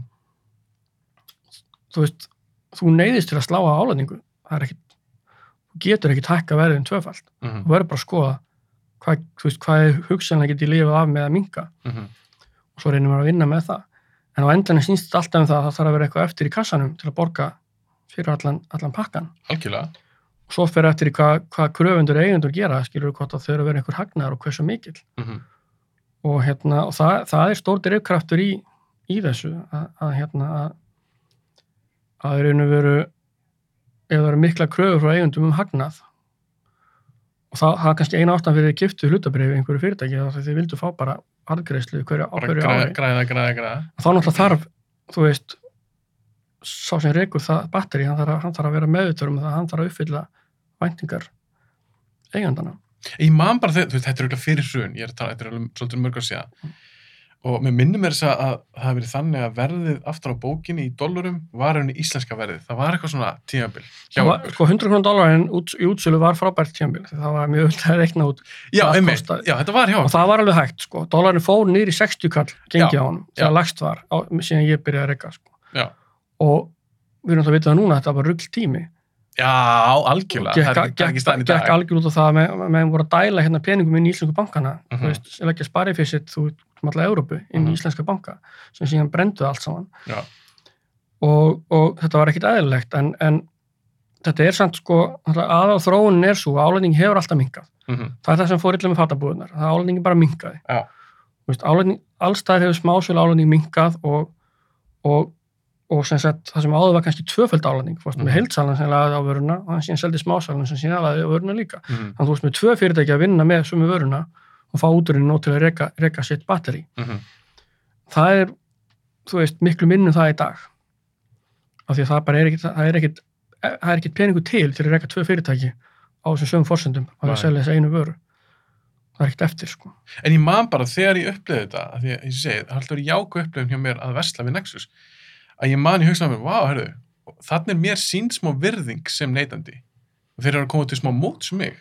Þannig eins og þegar ég fyrir í dag, þetta eru mörg á síðan, þegar ég vesli í dag mm, og mm. ég ætla að koma með okkur á bók og ég sem hún kosta þetta mikið, það er ennþá í hausnum á mér bara svona, ég treysti þeim til þess að velja ekki þessu bók. en ég bara borga þetta verð fyrir hana. Skilur hvað við? Já, ég meina þetta, þetta er eitt, þetta er eitt af grundvallar atriðum okkar, það er, að- það er að verðleika eins rétt og við getum. Ég treyst ykkur bara fyrir því, Við, skilur við verðum bara að gera það. Já, Það er ekki, það er ekki, þú veist, við getum ekki bara sett hvað sem er á vöruna. Við verðum að verðleika eitthvað sem virkar fyrir báða aðeila. en ég fyrir oft í veslanir aðrar og maður er bara svona, já, ok, veist, hvað verður þetta? Skilur hvað við? Veist, þetta er svona, þetta er þetta tröst sem við búið að byggja upp. Þannig ég bara segja þér sem neytandi að mín Já, upp er já, alltaf takk, takk, fyrir það. Náttúrulega kannski, má kannski segja það á tímabili, ég veit ekki hvað það er, þannig- það ekki þannig í dag held ég. Á tímabili voru, mjög lengi voru eins og bækur, myndasögur voru verðmerktar með bandarinska verðinu á, bara á bókinni sjálfri. Já, einmitt. Og hérna, þannig að þú kannst alltaf séð bara, þetta er svona eins og að fara í Æslandi í dag, þú sér að kakan að kosta 1 pund. Svo kostar hann 370 hérna, meðan pundur einmitt. 160, þannig að ok, í Mhm. lagi með það. Mhm. En þú kannst alveg séð á, á, á bókinni hvað, hvað, hvað framlendin er að segja að hún er að kosta. Já. Og þetta er það sem allir Amazon spilaði algjörlega með á sínu tíma í sínu upphafi. Mhm. Þeir tóku bækunar og byrja bara að auglýsa, við erum, við að auglýsa 30% af retail price. Mhm.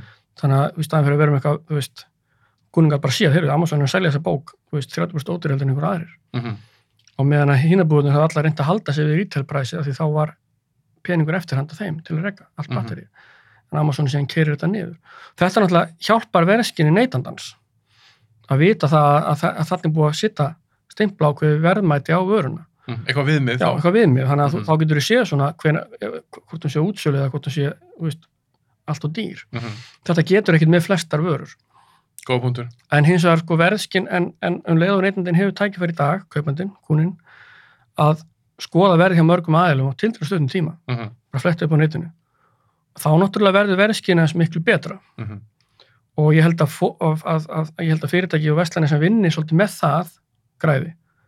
Fyrir ekki að reyna svona að tegja og tegja, þú veist, til að fá aðeins meira og meira Já. þú veist, hva, og fara út af einhverju breaking point, sko. Mhm. þá er svo betur að halda sér vel fyrir innan það. Af því ég menn það er engin, þú veist, þá öllum fyrirtækjum vantir alltaf einhverja peninga til að, þú veist, gera eitthvað nýtt, gera einhverja Algjörlega. stakka við sig, fjárfesti í einhverju Algjörlega. sumir vilja, sumir eru mik mikla kröfum arð og það er hægt að borga út arð á hverju ári og Mhm. svona allt þetta þarf einhvern veginn að virka í syngi, þess vegna til nefnis er ofsalega vinsalt núna að búa til þessi svona, þessi, þessi, þessi locked in vörur Mhm. eins og Apple, þú veist Apple getur sagt hvað sem er á sína vörur veist, er engin hugmyndum hvað kostar að framleiða Apple ferðartölvu Nei, nei, nei, nei. hún er seld á 400 skall af því það er bara vir, af því það er alveg hægt Það er stert merki. af því búið, af því að konin er komin inn í systemið Mhm. og hann er bara tilbúin til að borga uppsett verð fyrir Apple. Já. Þetta er alltaf að aukast meira og meira þessi hugmynd, sko, Mhm. að þann- þann- þannig nærðu í, í gömlu álæninguna, sko, Mhm.